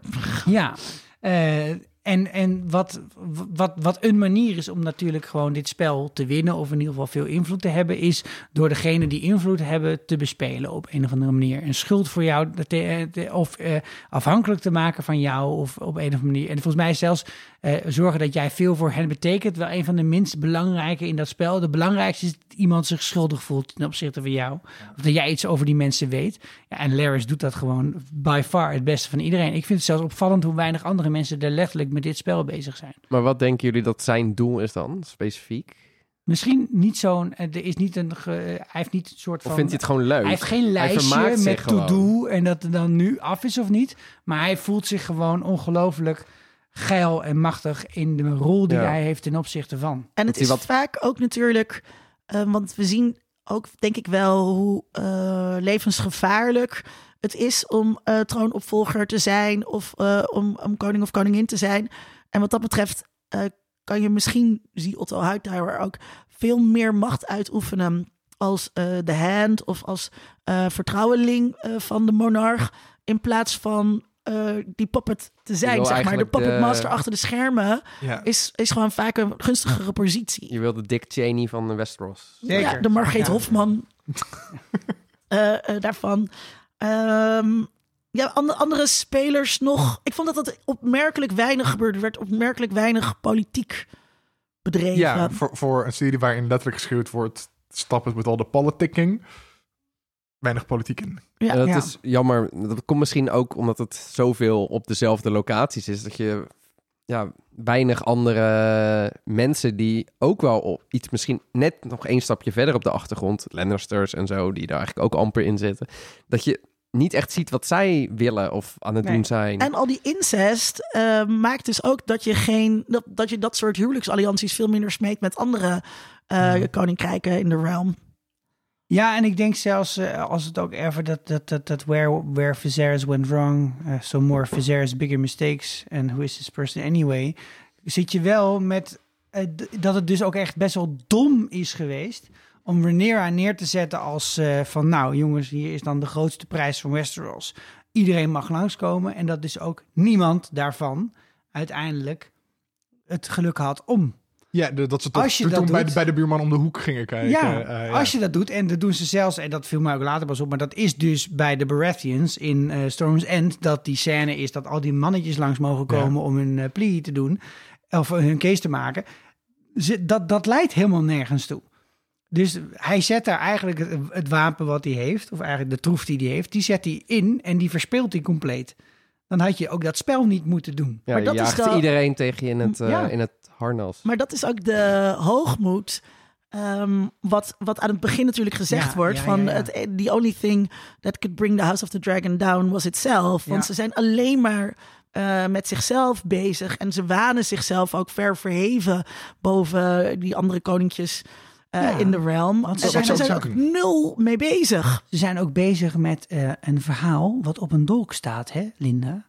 ja. En eh, ja, nee, maar jij dolk. bent misschien niet doordrongen. dat- Misschien is het je ontgaan in deze serie dat het dus een rol speelt. Oh, zat er een dolk in? Ja, Oh. ja. Arya's dolk. oh, en wat stond er op die dolk? Was het Song of Ice and Fire? Nou, ik, ik hoorde dus. ja, ik ik miste dat aanvankelijk. Ja, maar my good god. Dat, Oké, misschien. Ik heb het eerder geroepen van stop making the dagger happen. But did it happen for you? The dagger did not happen for me. Nee. Did dagger happen for you, Tom? nee, maar ik vond wel dat... eh, The Song of Fire and Ice also did not happen for me. Nee, precies. Nee. It was always you. Who has a better story than Brandon? Nee, dat hoeft Nee. niet allemaal nog. Nee, nee. Hoef niet allemaal. Maar ik vond, ik vond daar wel een van de eh, heftigste momenten uit die laatste aflevering. Dat Damon wist dit niet. En Want dat zij- is het ja. moment dat hij snapt. Dat hij gewoon... Ja. eh, dus En hij dat vind ik het enige moment dat dat goed gebruikt wordt in het hele seizoen. Hij verliest ook de controle, hè? Want het, Ja. is, het is natuurlijk een heel naar stukje huiselijk geweld. Ja, eh, wat, we, wat, we, wat we daar zien. Ja. Ehm, maar eh, zij doet dan wat, eh, eh, ehm, wat ik ook altijd deed als ik ging vechten met mijn broer. Mijn broer was fysiek veel sterker dan ik, maar ik was gemener. Eh, en dan, eh, en dan ging ik hem uitlachen. En dat doet zij dus ook. Zij, Ja. zij lacht hem heel minzaam uit.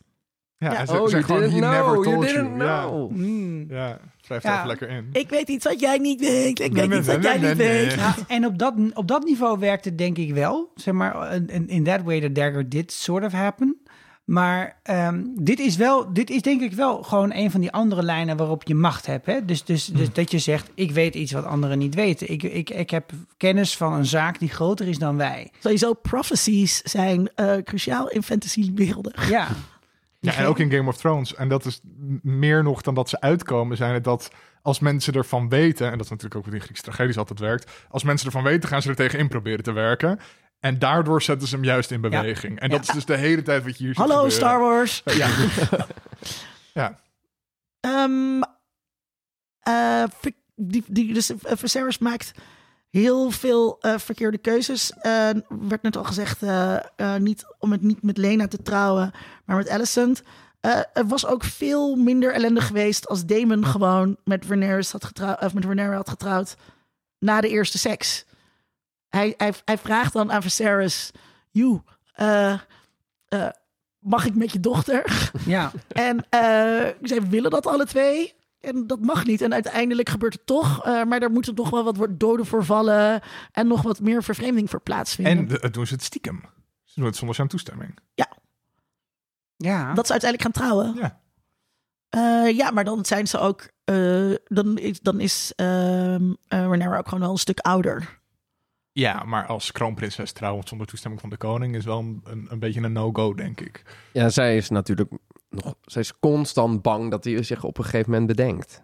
Dat Ja. hij toch opeens zegt van... Oh, Ja. nou, oh, ik kies wel een andere troonopvolger. Ja, en wat dat betreft, dit is natuurlijk ook wel, eh, als je dat uit zou spelen weer opnieuw en dat is maar gewoon op een ander koningshuis zou projecteren, van hoe zou dat dan werken? Dan, de- dan, is, dan is Viserys een hele zwakke monarch. Hm. Dus als jouw dochter dit besluit, zonder jouw medeweten, en ze sturen een sms'je met trouwens, hey, kijk naar deze eh, wedding pic en het is je broer. Eh, dat, ja, dat is wat ze doet, toch? Ja. Dat, dan zou een, Elizabeth, hè, over de doden niks naar goed, die had, die, die had dit niet oké gevonden. En dat, dat, datzelfde heb ik ook met zijn relatie überhaupt met zijn broer. Hij stuurt hem de eerste vier afleveringen twee keer weg of zoiets. En dan komt hij toch weer terug. Ja, er, zi- er zitten volgens mij drie scènes in dat Damon de troonkamer weer binnenkomt lopen. En je en denkt, zit van, what is this hey, doing ben here? ik weer, sorry van de Hey, vorige keer. remember Maar dat, me? komt, maar dat komt ook omdat het zijn steeds eh Viserys adviseurs die ehm ehm Damon aan het badmouden zijn. Ja. En zeggen hij kan het niet, hij kan het niet. En hij houdt gewoon heel erg van zijn broer, want hij is een familieman. Ja, maar en, en dat Alles is dus bij hem draait om de familie bij elkaar te houden. Ja, Ja, maar maar, niet- dat, dat hij, hij kan die, die, die privérelaties niet loszien van de machtspositie waar hij in zit. Dat komt Maar dat- Elizabeth wel. Maar dat moet hij ook wel, want het draait dus wel om, om eh, het huis bij elkaar te houden.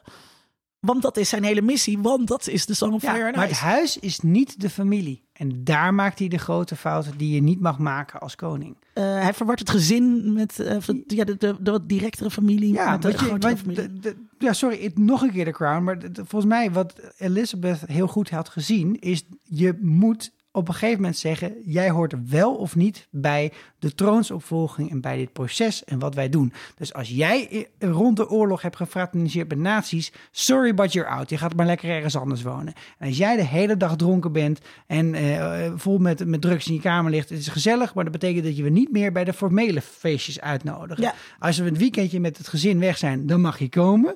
Maar anders hoef ik je niet te zien. En dat doet de Viserys dus gewoon fout. En zeg Ja. niet dat het zo zou moeten zijn. Alleen praktisch gezien is dat binnen een monarchie dus wel de way to go. En wat Viserys doet is exact de verkeerde. Toch weer een man Maar aan de top eh, waarmee, het, waarmee het fout gaat. Maar dat, heel ging wel tot, de- tot het punt. Maar als, als, als iemand aan, aan minderjarigen zat, dan had ze daar kennelijk minder. Hey, dat je hey, minder snel de familie kijk, uitgebonjourd. En, en, en zie waar dat het heeft gebracht. Ehm, even over die, eh, over die seks tussen eh, Damon en Rhaenyra in eh, aflevering 4. Ehm, want eh, kijk, wat het is, zeg maar, met eh, dochters en, eh, en eh, vrouwen, die kun je, of eh, dochter, ja, dochters, die kun je dus weggeven in een huwelijk. En eh, daar, daar zijn, daar, daar- dan zijn ze dus dingen waard. Hè? Je kunt politieke allianties met ze smeden, maar dan moeten ze wel onbeschadigd zijn. Hè? Niemand eh, vindt een cadeautje leuk eh, dat al gebruikt is. En dit is in de geschiedenis heel belangrijk geweest. Eh, gaat een heel stuk in eindelijk weten wat seks is. Koop dat boek. Gaat, gaat daarover, zeg maar. Dus vrouwen moeten dan ook hun eigen deugdzaamheid bewaken, want anders verlies je je waarde. En Damon, die in directe concurrentie is met eh Rhaenyra eh, als, eh, als troonopvolger, beschadigt haar gewoon. Ja. Hij neemt haar mee naar een publieke plek waarvan hij weet dat mensen hun eh, gaan zien. Trek de petje af. Eh trekt haar petje heel af. bewust, ja. Eh, ehm, en zij is dan beschadigd. En eh, het- leek me zo'n eh, opzettelijke actie om zijn eigen claim mee te bevoordelen. Ja. Veel meer dan lekker geil met mijn jonge nichtje Nee, tongen in nee. het bordeel. En hij weet ook, aan mij kleeft dit niet en aan haar wel. Dit is gewoon een enorm verschil van macht. Maar hij, ja, had, Maar hij speelt hem niet helemaal uit, die kaart. hij trouwt met haar. Misschien was Veel later pas. Ja, maar het, het, het kon twee, twee doelen hebben, het beschadigen. Eén van, eh, nou ja, zij is beschadigd, dus, dus maakt ze minder kans om troonopvolger te worden. En twee, als ze het dan toch is, dan is ze meer van mij afhankelijk, Mhm. misschien. Waardoor ze met mij gaat en ik trouwen. heb nu een extra argument om tegen Viserys te zeggen... eh, ik wil er wel hoor. Precies. Maakt voor mij niet uit. Dat. Kom maar door. ja. Ik, ik weet dat, dat andere mensen beter dit hebben begrepen dan dat ik het heb begrepen in die aflevering. Maar er zat daar ook een hele vreemde relatie tussen het jongetje dat hen ziet en dat rapporteert aan Missaria. En Missaria en Otto Hightower. Dus het, ik kreeg toch, ook bij het herkijken, weer het gevoel... Want zij vangt hem op, hè, Damon. Hij is dan helemaal, eh helemaal geradbraakt, Er is een zeg maar. soort, eh, ja, we zien even niks. En dan eh, wordt hij wakker in ehm, oh, Emma, Your zit Prisoner. hij in, ja. En ik heb het gevoel dat, dat, dat zij toch nog een beetje onder één hoedje spelen. Dus dat het feit dat, dat, dat die informatie bij Otto terecht is gekomen... dat dat wel met medeweten of goedkeuring van Damon is gebeurd. Hij wilde dat het uit zou lekken. Ja, Ja. En alleen maar... Soms, soms doe je in je leven dat soort dingen... dat iemand ergens achterkomt, maar dan zeg je het niet zelf... maar dan laat je het gebeuren en dan ga je er niet voor liggen. Of, eh, dus, Hmm. een beetje, het is zo'n soort spelletje wat daar gespeeld was volgens mij. Dus hij heeft onvoldoende op zijn falie gekregen van zijn broer voor wat hier is gebeurd. Dus zelfs dat het was gebeurd, had nooit ergens terecht mogen komen, maar het is toch gebeurd. En Viserys is onvoldoende gaan kijken, waar komt die informatie nou echt vandaan? Omdat hij die niet wilde geloven dat het aan de hand was. Ja, maar dat is ook. ehm, en misschien, ik, weet niet, ik durf niet te zeggen dat dat dan een calculatie was vanaf Damon's kant. want Dat is wel te ver in de toekomst kijken. Maar omdat Otto dat zegt, wordt hij weggestuurd. Daarmee overspeelt hij zijn hand. Als hand. Hey, ja. Mis- misschien twee vliegen in, in één klap. Maar ik, ik, ik, ik, ik zou echt niet zeggen dat hij er zo bewust. Maar weet Otto dat hij met de white, dat, dat Damon met de White Worm is, bijvoorbeeld? Hij weet wel wie Miseria is, toch? Nou ja, Miseria ik heb het dus gevoel, want op een gegeven moment heb je in een negende aflevering of zoiets ontmoet Otto Hightower Oh, dan pas opnieuw. Ja, ja. Of opnieuw, nee, ja, dit is voor het eerst, want die andere keer krijgt hij informatie van dat jongetje. Ja. Dus nee, volgens mij weet hij het helemaal niet. Nou, eh, hoe heet hij? Eh, eh, Strong. Eh, Lionel Strong of Larry? Strong? Oh. Die zegt tegen, tegen Alicent van... eh, There's a web of spies. Ja, En eh, je, eh, je vader die laat dit allemaal maar gewoon bestaan. Maar de vraag is, ja, hoe lang laat hij het al bestaan? Dus Ja. dat is een, dat nou, is een en, goede en vraag. weet hij exact hoe dat web eruit ziet? Ja. Dat is Viserys. Nee, Otto. Nee, Otto. Otto. Oh ja. Sorry, Ja. ik was even in de war met die man en je vader. Hetzelfde leeftijd. ja, snap ik, ja. Ehm, dat, dat brengt ons wel bij ehm, eh, het, het volk ook een beetje. Eh, ehm, want ehm ehm, Sarah staat daar denk ik ook voor. Eh, wel, we hadden het net al ook een beetje over eh, dat we zo weinig zien ehm, eh, van die andere eh, koninkrijken in, in de realm. Ja, die andere kingdoms. Echt zonde. Eh, het draait om macht, maar macht waarover Hmm. eigenlijk. Dus ehm, we weten heel weinig van de rest van de realm. Daar zijn ze nauwelijks mee bezig. Maar we weten eigenlijk ook heel weinig van. We zien heel weinig van King's Landing. We weten heel weinig van ehm, de Small Folk. Daar wil jij ook wat over zeggen, Sonny. Eh, nou ja, eh, het voelt... Misschien bewaren ze dat voor die andere spin-off die er nog aankomt over eh Fleabottom. Fleabottom. Oh ja. Eh, een Verbeek. comedy misschien met, ja, met die geschreven door die meid van Fleabag. Dat zou eh Daar perfect moest ik ook steeds aan denken. Ja. En de vader, daar ook weer. Nee, oh, dat kan niet meer. Ehm, ja, ik, was ik, mis dat, toch? ik mis dat Hmm. stukje heel erg. Je hebt het dan wel met, eh, als je die spionnen hebt... en dan denk je van, oh ja, dit zijn ook mensen met bepaalde belangen. En die... Maar ja, dat komt niet echt uit de verf. Maar ik denk dat je daar ook zeker nog wel wat interessante dingen mee kan doen. Want inderdaad, waarom accepteren die mensen het dat, dat, eh, dat er duizenden doodgaan... als er zo'n draak door de vloer komt? Die Ja. gaan toch ook... En nu hebben ze wel vrede gehad. En dat, dat bij Game of Thrones kwam dat ook op een gegeven moment wel richting het einde van dat de mensen ook heel ontevreden waren.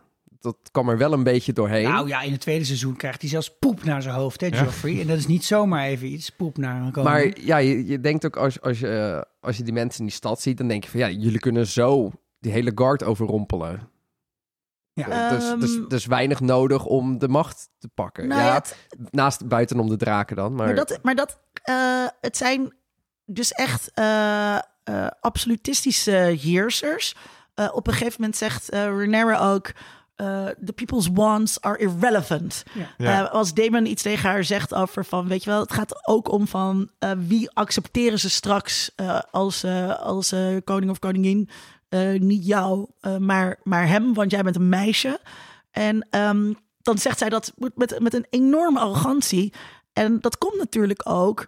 eh, kijk, vroeger in de middeleeuwen werden, werd, werd royalty ook geaccepteerd. omdat die zeiden dat zij door God gezonden waren. En dat er zoiets was als een aparte bloedlijn.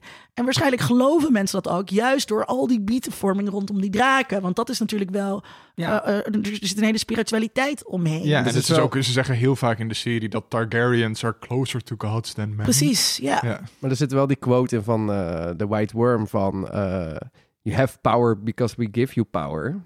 Ja. En ik hoopte, ik, ik hoopte daarin dat nog net nog één extra zin zou zitten... wat nog een throwback zou zijn naar ehm, Cersei in, eh, in Game of Thrones... dat ze tegen Littlefinger zegt... Ja, power is power. Power is power. Ja, ja, ja. Ik hoopte dat Otto dat zou doen, maar Ja. helaas. ja Maar ja, dat, dat, zij zegt het wel. Dus op dat soort momenten denk ik dan van... oh, daar gaan we daar nog iets mee... Ja, maar dat, dat voelt Zien. dan zo uit het niets dat zij nu zegt van... "Uh, is represent de... Dankjewel. Ja. Ehm, dat komt uit het niets. Ja. Want, Ja, eh, zeker. want in het hele seizoen is daar op geen enkel punt over gegaan. En nou dan, ineens zit en in dan zit ineens, ik ben een revolutionaire Ja. leider. Oké, sure.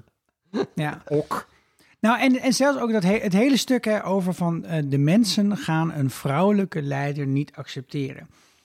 Het zou veel eh, overtuigender zijn als ik in deze serie, in deze toch 11 uur of 12 uur beeldmateriaal, ook mensen had gezien van het normale volk die dit ook hadden gezegd. Ja. Het enige wat we zien is dan die... eh, Ja. is dan We die zien, goh, op straat, paar vraagjes. Nou ja, het enige wat we zien is eh, eh, op het moment in aflevering 4, is als eh, Damon met Renera eh, door de stad loopt, dan zien ze een soort eh, eh, Jan Klaassen-achtige poppenkast. Ja, eh, waarin, het, waarin het hier over gaat. En dan wordt er boe en jee geroepen. En dat is eigenlijk de enige feedback ja. die we ooit zien van hoe het volk eh, daarin staat over een vrouwelijke troonopvolger. En, en, en misschien ook wel voor royalty in die tijd een hele goede representatie van hoe vaak er feedbackmomenten waren. Hè? Willem-Alexander heeft er, heeft er wat meer tegenwoordig nog. kan gewoon Twitter opscrollen. En Gewoon, ja, verkeerde vakantiekeus en gelijk heel ongezellig. Maar ja, ik weet niet waar het zit. Maar dit wat jij zegt, dus de White Worm met haar revolutie kwam echt totaal uit de lucht vallen. En ze missen hier ook gewoon een heel stuk moraal. Echt, als, Ja. Niet als niet van wat is de moraal, maar moraal amongst the people. Dat, dat zie ik hier gewoon niet goed in terug. En de keren dat het gebeurt, is het altijd over de schouder van royalty. Of het nou Damon is die de helft van de stad in elkaar mapt, of een eh, toneelstukje, of, of, of eh, neuken ergens in een tent. En het is niet op zichzelf. We hebben geen ja. mensen die dat voor ons kunnen dragen. We hebben geen Davos Seaworth. We hebben helemaal niemand die dat kan Ook doen. niemand in de, in de Small Council refereert daar echt aan. Dus ze hebben het wel soms over eh, eh, hoeveel geld er in de schatkist is. En dat je de mensen niet al te zwaar eh, eh, kunt taxeren. Mhm. Um, maar niemand eh, is ooit bezig met de publieke opinie. eh, Nee. of, eh, want als ze het ook hebben over dat eh, een eh, vrouw als koningin niet geaccepteerd gaat worden, dan gaat het vooral over de tegenstanders. eh, van ehm, eh, de house. En dus de andere koninkrijkjes, maar niet, niet zozeer de mensen in King's Landing. Ik- Maar is het niet ook zo dat die mensen het er dus relatief goed hebben? Dus op het moment dat we eh, zien wat daar op straat gebeurt, dan is er eh, heel veel overdaad. Er wordt voortdurend gedronken, eh, varkens geroosterd. Er zijn de hele tijd feesten. Ja, maar Viserys omdat- organiseert heel veel toernooien. Dus het is heel erg brood en spelen. Ja. Ja, maar de- ik denk ook dat de, de stukken van de stad die we zien... zijn een soort van de wallen van King's Landing. Eh, dat, dat is gewoon wa- waar het vertier is. Ja. En, en we zien Fleabottom Hoe is, zien het, hoe is het in het Transvaal? Dat Ja. zeggen ze niet. Ja, eh, eh, dat, dat zien we allemaal niet. En dat is ook omdat wanneer zij het kasteel uitgaan... ze alleen maar naar die Street of Silk gaan. Of naar dingen daaromheen. Ja. Ehm, en dat is dus ook wat zij meekrijgen. Dus hoezo hebben, hebben zij het slecht? Dat ziet er allemaal prima uit, toch? Ehm, ik blijf nog even bij mijn vraag. Eh, het draait dus om macht, maar macht waarover? Want eigenlijk het enige wat ze nastreven is macht hebben. Zonder een duidelijk idee te hebben wat ze daar ook mee willen. Dus toen ik ehm, met, eh, met, met mijn beste vriendinnetje de, eh, de Godfather zat te kijken en zat te bedenken dat wij de wereld gingen overnemen. Toen hadden we heel veel moeite om te bedenken ehm, wat, wat we dan precies wensen. Dus we dachten wel, ja, we kunnen mensen voor ons laten werken. Die moeten dan geld aan ons afdragen. Maar we zijn alle twee niet zo heel erg geïnteresseerd in geld. En ehm, eh, eh, we willen wel iets doen, eh, zeg maar een soort feministische doelen. Maar snap je, het was, het was heel lastig om voor ons een soort van politieke partijprogramma te bedenken. Dus wat willen ze met die macht, behalve het gewoon hebben? Waarom wil je in hemelsnaam koningin zijn als dat zo gevaarlijk is? Waarom wil je niet gewoon zoals, ehm, eh, hoe heet die ook alweer, Eh, die, dan, die er door vandoor gaat met uh, Lenen, eh, eh, die, Oh dan, ja, die dan er vandoor gaat met zijn lover. een Q bedoel je. Dat is, dat is toch veel chiller? Ja. Ja, dan ga je ergens anders heen waar het gewoon alleen maar ertoe doet hoeveel geld je hebt. En dan kan je gewoon in vrijheid leven. Ja. Nou, er was een moet je met die moment natuurlijk in dit seizoen dat dat eventjes werd eh, bevraagd. Ook door de mensen uit de Inner Circle. En dat was toen Damon met Lena. Eh, in Pentas eventjes op vakantie was. Dat was echt gewoon een soort mediterraan uitstapje. Eh, Het, het, het reisje wat Maxima en eh, Alexander graag hadden gemaakt midden in corona. en ik denk dat ze daar ook onvoldoende mee hebben gedaan met die vraag. Ja, Dus, ook met, met, met Christian Cole. eh stelt hem op een gegeven moment aan Renera. Van zullen we mandarijnen gaan plukken? Ja. Ja. En dat zij zegt van, waarom zou ik mandarijnen gaan plukken als ik over zeven koninkrijken kan heersen? Maar Damon, Zes. Damon wilde dat wel. Die wilde wel daar Precies, blijven. precies. Ja, dus dat dus eigenlijk voor zijn karakter is dat dan ook weer bijzonder. Nou ja, op zich dus leuk dat iemand wat meer eh, facetten op het eh, briljantje heeft dan alleen maar dat ene. Eh, en, maar in, ja, inderdaad, hij wilde dus eigenlijk van nou, ik vind het eigenlijk ook wel goed. Af en toe geef ik een drakenshow en dan eh, Die is, is dat het. Weet je, is dat, ja. Maar Ja, hij is ook gewoon, eh, eh, hij is gewoon de broer. Hij is het enfant terrible. Ja. Eh, dus ook op het moment dat hij dat ijs steelt. eh, en, eh, en, eh, en hij verzint dat hele verhaal dat de dingetje zwanger is en dat hij met haar gaat trouwen om zijn broer een beetje te provoceren. Het is allemaal niet waar, maakt niet uit. En dan heeft hij ook weer een gebbetje. ja. Ehm, dat is hij is de hele tijd een beetje aan het dollen.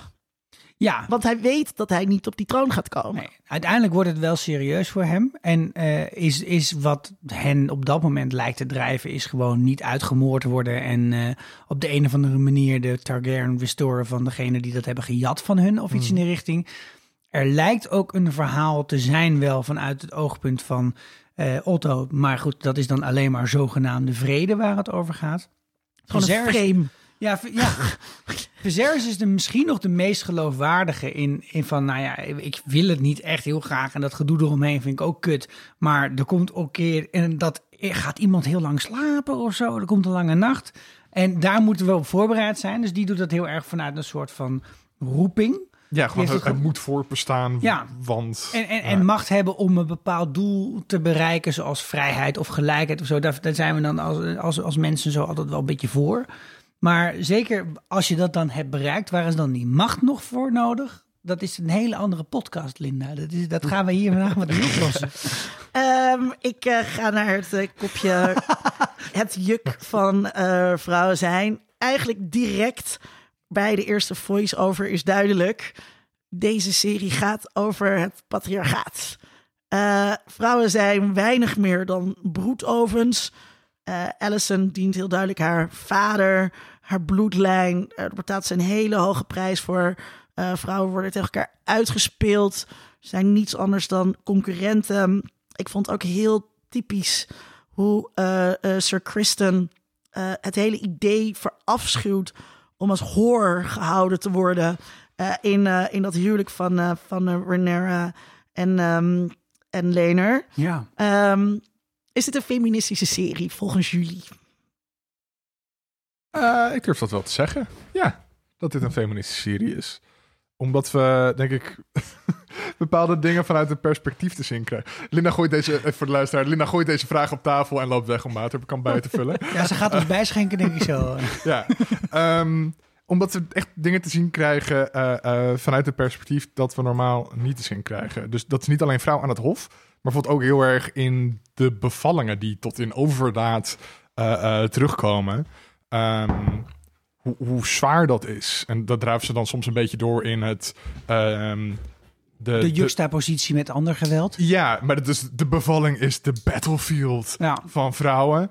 Dat vond ik een Dat- beetje dat was een beetje ik-? Dit punt heb je gemaakt. Ik snap hem. Oké, we kunnen door. Is dat feministisch of is dat een man die feministisch probeert te zijn, die dat schrijft? Volgens mij is het, zijn die afleveringen eh, vaak wel geschreven en of geregisseerd door vrouwen. Hebben ze daar heel erg op gelet. Ehm, maar ik vind dat wel vet dat je dus ook laat zien hoe vrouwen agency binnen zo'n systeem pakken. Ik ben nu voor alles ooit bezig voor een aflevering over Cleopatra, die natuurlijk precies hetzelfde doet in een systeem. Het is allemaal mannen die slim uit elkaar weten te spelen, gewoon puur om haar eigen positie een beetje veilig te stellen. En ik vind dat heel vet in deze serie neergezet. Eh, ja, ik, ben, ik, ik vond het ook zeker een feministische serie. De vrouwen hebben echt wat te doen. Eh, mag van mij ook nog wel echt meer. Ehm, nog meer vrouwen, weet je. Nog zo'n saaie lord of zo. Ik denk van, ja, boeiend. Geef Rhaenys Maar goed, grotere rol. Dat, dat het hele ding is natuurlijk dat vrouwen niet eh, hun dochters mogen hun vaders niet opvolgen. Dus dan kan je ook moeilijk heel veel andere sterke vrouwen op sterke posities plaatsen. Dus ik, ik vond het goed gedaan. Ehm, iets minder eh, vond ik de, de daarop aansluiten. Misschien de homo's in de serie. Hmm. Eh, die waren alleen maar aan het zwaardvechten of aan het neuken en ja, de- Drinken had- met elkaar. Drinken en Ja. deden eigenlijk weinig meer. Dus dat vond ik jammer. Ik denk van ja, dat- we één ding nu beter gedaan dan in Game of Thrones, vind ik. Eh, net als de- ook de seksscènes waar ze echt eh, meer vanuit een vrouwelijk perspectief eh, aangevlogen hebben. Ehm, ja, miste ik, vond ik dat dan weer jammer. Maar ja, ik kan niet alles hebben. Dus eh, misschien eh, komt Lenor terug volgend seizoen. En dan Dat is- eh, het is niet, gaat hij een grote rol spelen. Eh, het is misschien wel feminisme, maar dan niet intersectioneel eh, genoeg. ja. Ja, ze hadden er zeker wel voor kunnen kiezen om een van de hoofdpersonages ook gewoon homo te laten zijn. En dan dat dat is onderdeel van het karakter, maar verder niet het bepalende onderdeel van het Nou karakter. ja, en kijk. dat, dat, is, dat is wel... eh, Aflevering 1 dacht ik, oh, Alicent en eh Rhaenyra, kom, bring it on. Dit, eh, dit wordt interessant. ja. Ja, dat gebeurde niet, helaas. Maar... Nee, dat bleef bij een hint of zo. Ja. Ze Ja. hebben dat wel nog een beetje boven de markt laten hangen. Ja, en, gewoon een brokkeltje queerbait. ja. Gewoon ergens een hoekje neergelegd. Ehm, het valt wel op eh, aan het einde eh, dat eh, zowel Rhaenyra als Alicent terughoudend zijn met direct oorlog gaan voeren. Ehm, wat ook een soort eh, ehm, voor mij deed denken aan Star Wars The Last Jedi. Hmm. Waarin het ook heel erg gaat over als er dan vrouwen een vloot aansturen. Dat ze andere keuzes maken die veel meer gaan over het welzijn van het collectief.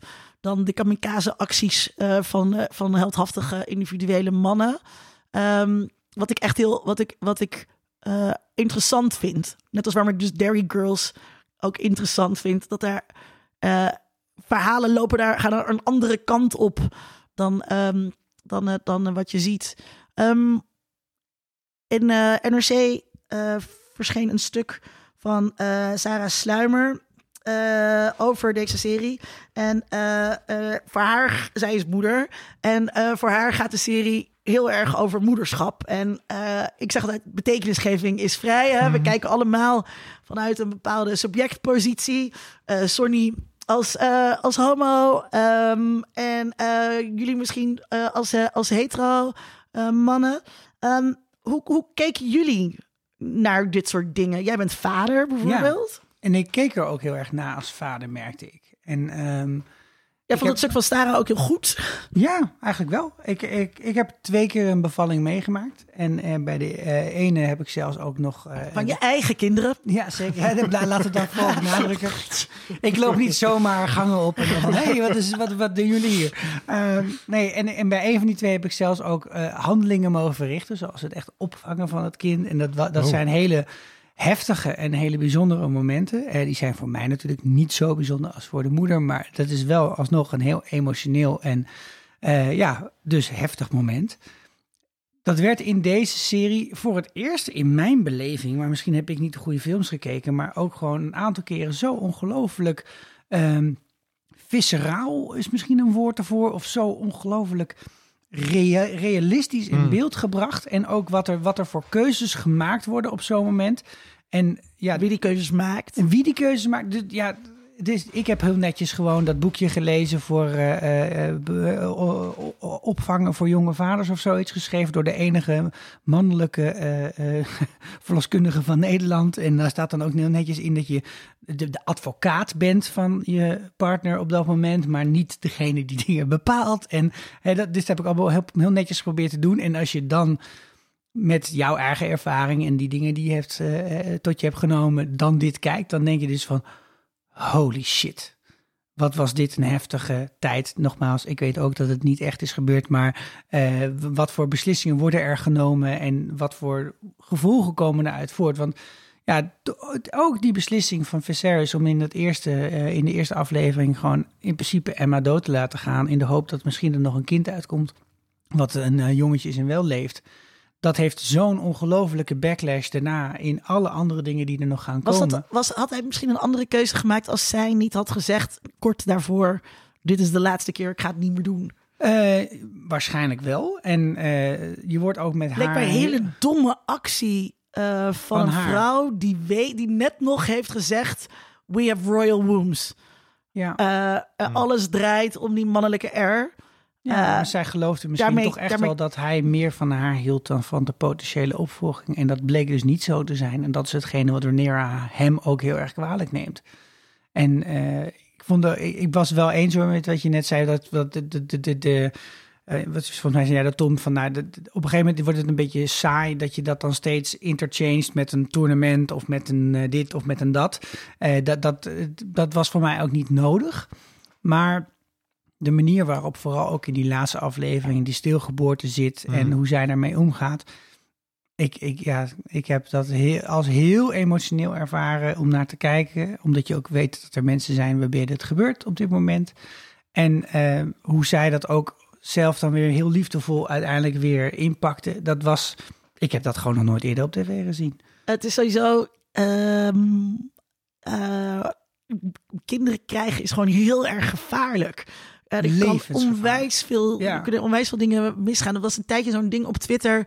ehm, dat mensen zeiden, als ik eh, zoveel jaar geleden had eh, geleefd, dan was ik doodgegaan op mijn zestiende. Want toen had ik een eh, ongeluk en toen kreeg ik een infectie. Waar nu gelukkig antibiotica voor Ja. was geweest, maar toen niet. En heel veel mensen zeiden, dan was ik in het kraambed gestorven. Ja. En daar schrok ik toen heel erg van. ehm, hoe, hoe heftig dat is. En wat, wat voor gevarenzone het was.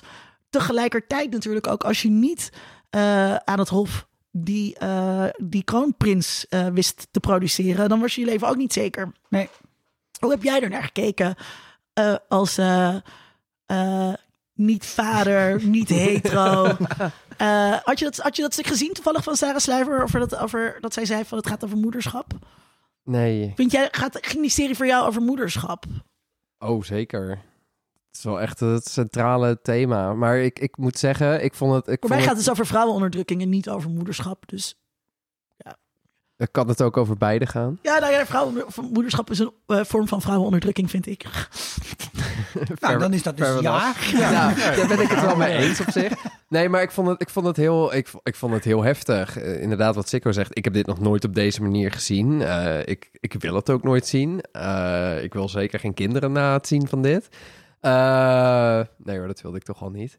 Ehm, ja, ik, ik, ik, ik, snapte wat ze wilde doen en ik, en ik kan er ook wel in meegaan. Maar ja, ik vond het wel heel heftig. Maar ja, als Tom die zegt dat het door vrouwen ook is geschreven, dus dan, dan, dan maakt het, vind ik het automatisch wel een stuk beter, geloofwaardiger.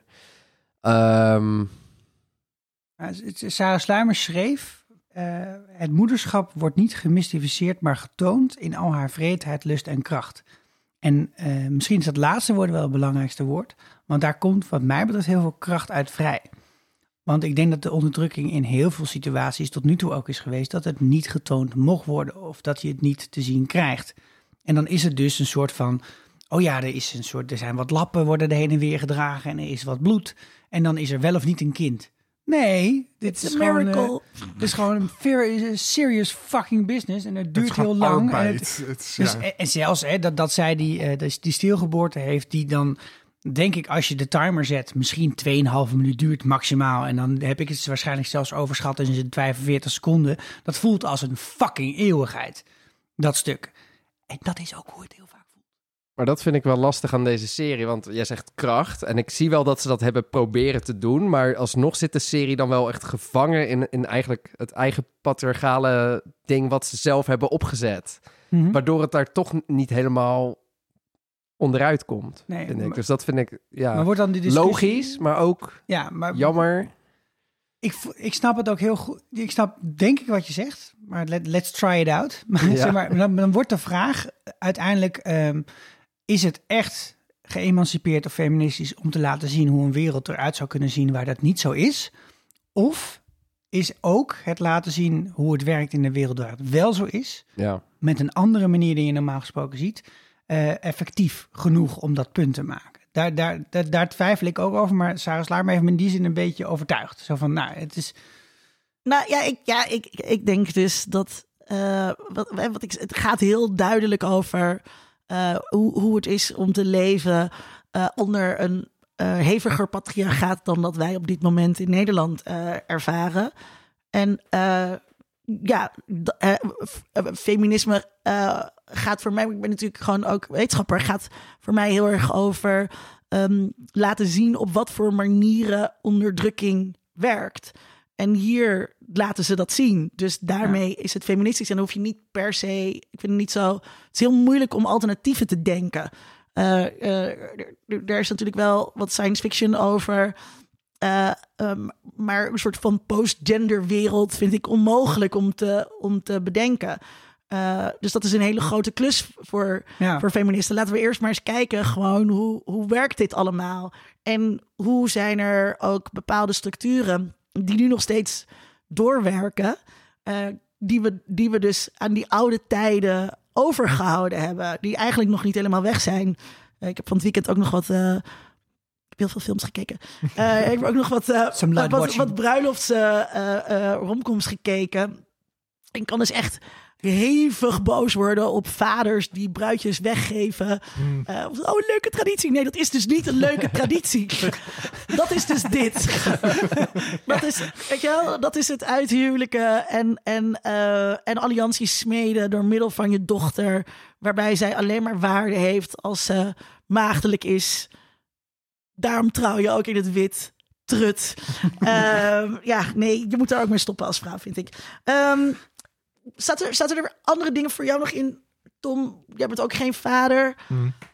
Had jij een andere betekenisgeving dan dat, dan dat vooropstellen? Dat moederschap voorop stellen? Mm.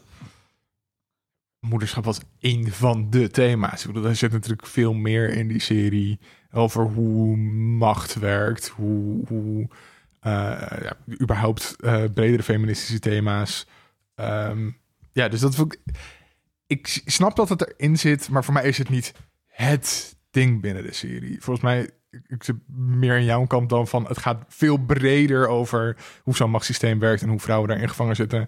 Maar ondanks dat systeem toch nog de ruimte proberen te zoeken. Ja. En dat vind ik interessanter dan alleen maar te zeggen, deze serie gaat over moederschap, punt. Ja, ik, ik ging er dus een beetje op aan. Daarom ging ik jullie vragen voorleggen. Dat zij zo stellig was. Dit is waar de serie over gaat. Ja, ja. Ja, Terwijl- maar dat is ook, nik- dat, dit soort culturele objecten zijn nooit eenduidig. Ja, precies. Er is Ja, nooit één betekenis die je uit kan leggen en zeggen, nou, dit is waar dit over gaat. ja. Maar zijn er essayisten die ook echt denken dat dat wel zo is? Er Eh, wordt even wat voedsel uitgedeeld aan de kat, volgens mij. ja, meestal hoor je dit niet op, de, Nou op, ja. eh, op tape. Maar het klinkt hier in de kamer echt heel erg... eh, Maar wa- Eh. wat nou als, als Viserys aan Emma had gevraagd van... eh, gaan we door met deze bevalling? Of wat vind jij ervan? Ja. ja, Wat, wat, hoe, Ja, maar- hoe, wa- Ze had, ze had toch ook niet kunnen stoppen? Het was, het was Nee, maar de, dat de keuze niet- voor dat Viserys is niet was belangrijk. De alle vraag twee is verliezen belangrijk. of misschien één kunnen redden. Maar daar gaat het niet om. Het gaat om of, of hij het Oh. overlegt met haar. Nee, Ja. dat heeft hij niet gedaan. Ik denk in de Nee. modern Maar wat hadden we daarvan de arts gevonden? dat niet vragen aan de man, maar aan Nee. de patiënt. Nee. En dat is de vrouw op dat moment. Ja. Dus daar is de hopelijk, dat is even En het misschien is heel ook- naïef van mij, maar er wel wat in veranderd. het is ook raar. Je hebt een broedmachine. Eh, deze lukt misschien niet. Maar dan kan een volgende wel gewoon lukken. Of zij nou wil of niet. Ja. Want ze heeft gewoon niet zoveel te willen. Ja, Nee, misschien een condoom van drakenhuid. Want Ja. draken. dat brandt zo. Ja, ja, Oh ja, dus kunnen jullie TT bestellen natuurlijk bij de meesters. ja, ja. Ja, precies. Morning after tea. Ja. Nou, ik, zit, ik zat hier ook wel ehm, over na te denken toen ik het zag staan, de vraag in het draaiboek. Van, nou, is het een feministische serie? Ehm, je zou ook nog kunnen zeggen, ja, het is een feministische serie, want er wordt gesproken over troonsopvolging en dat er dan ook een vrouw zijn en niet een man. En dan zou je, de, zou je zelfs nog verleid kunnen worden door te zeggen, nou, dus uh, Viserys is de eerste feminist van Westeros of zo. Want hij zegt, nou, het mag ook mijn dochter zijn. Maar als je dan die acties doorloopt die hij heeft gedaan, beginnend bij Emma, maar ook de manier waarop hij dan zijn dochter totaal niet in positie brengt en ook helemaal geen flikker doet om ervoor te zorgen dat het enige kans van slagen heeft. Nee, dat niet. Op dat En vlak eh, gewoon misschien helemaal had hij niet. ook geen eh, meer baby's moeten maken eh, bij Alicent. Nee, misschien was dat ook onhandig. Als je zegt, dit is er, zij wordt de nieuwe, hè, zij gaat de troonsopvolging doen, dan moet je misschien ook stoppen. En zij maakt haar eigen kinderen, dus ik hoef daar niet iets tegenover te zetten. Ja, Eh, eigenlijk helemaal niet peaceful. Nee, nee, nee. Het, het, het is steeds, maar hij, hij zaait conflict, maar hij heeft het dan niet door of zo. Hij hoeft het zelf ook allemaal niet te overstaan. Hij is al lang dood tegen de tijd. Maar daarom-. Ja. Ze noemen hem de Peaceful niet omdat hij dat was, maar gewoon omdat... Gewoon... Ja, was eigenlijk een sukkeltje. Ja. Dat is het. King Viserys the lame. ja. Ehm, eh, we gaan zo eh, een einde hier aan, eh, aan eh, breien. Wat, is, wat is de cliffhanger nou eigenlijk? Eh, Oorlog. Er komt oorlog. Dat is de cliffhanger. Gewoon het laatste dat we zien is dat Rhaenyra nieuws krijgt dat Lucerys dood is.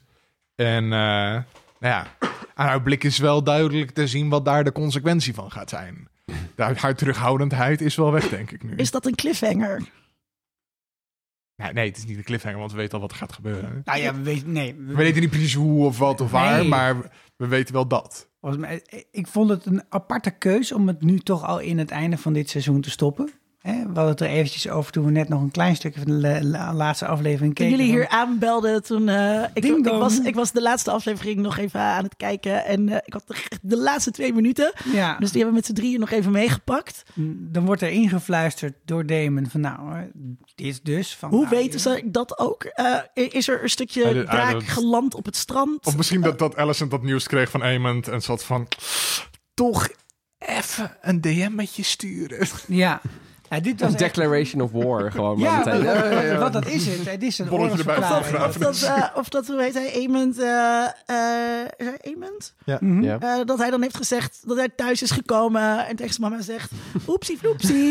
Ik had deze scène zo graag willen zien dat hij was zo van... Ja. Mam. Ik zei nog serve me, maar, maar goed. Ik zei door Herdis, ik zei door Herdis.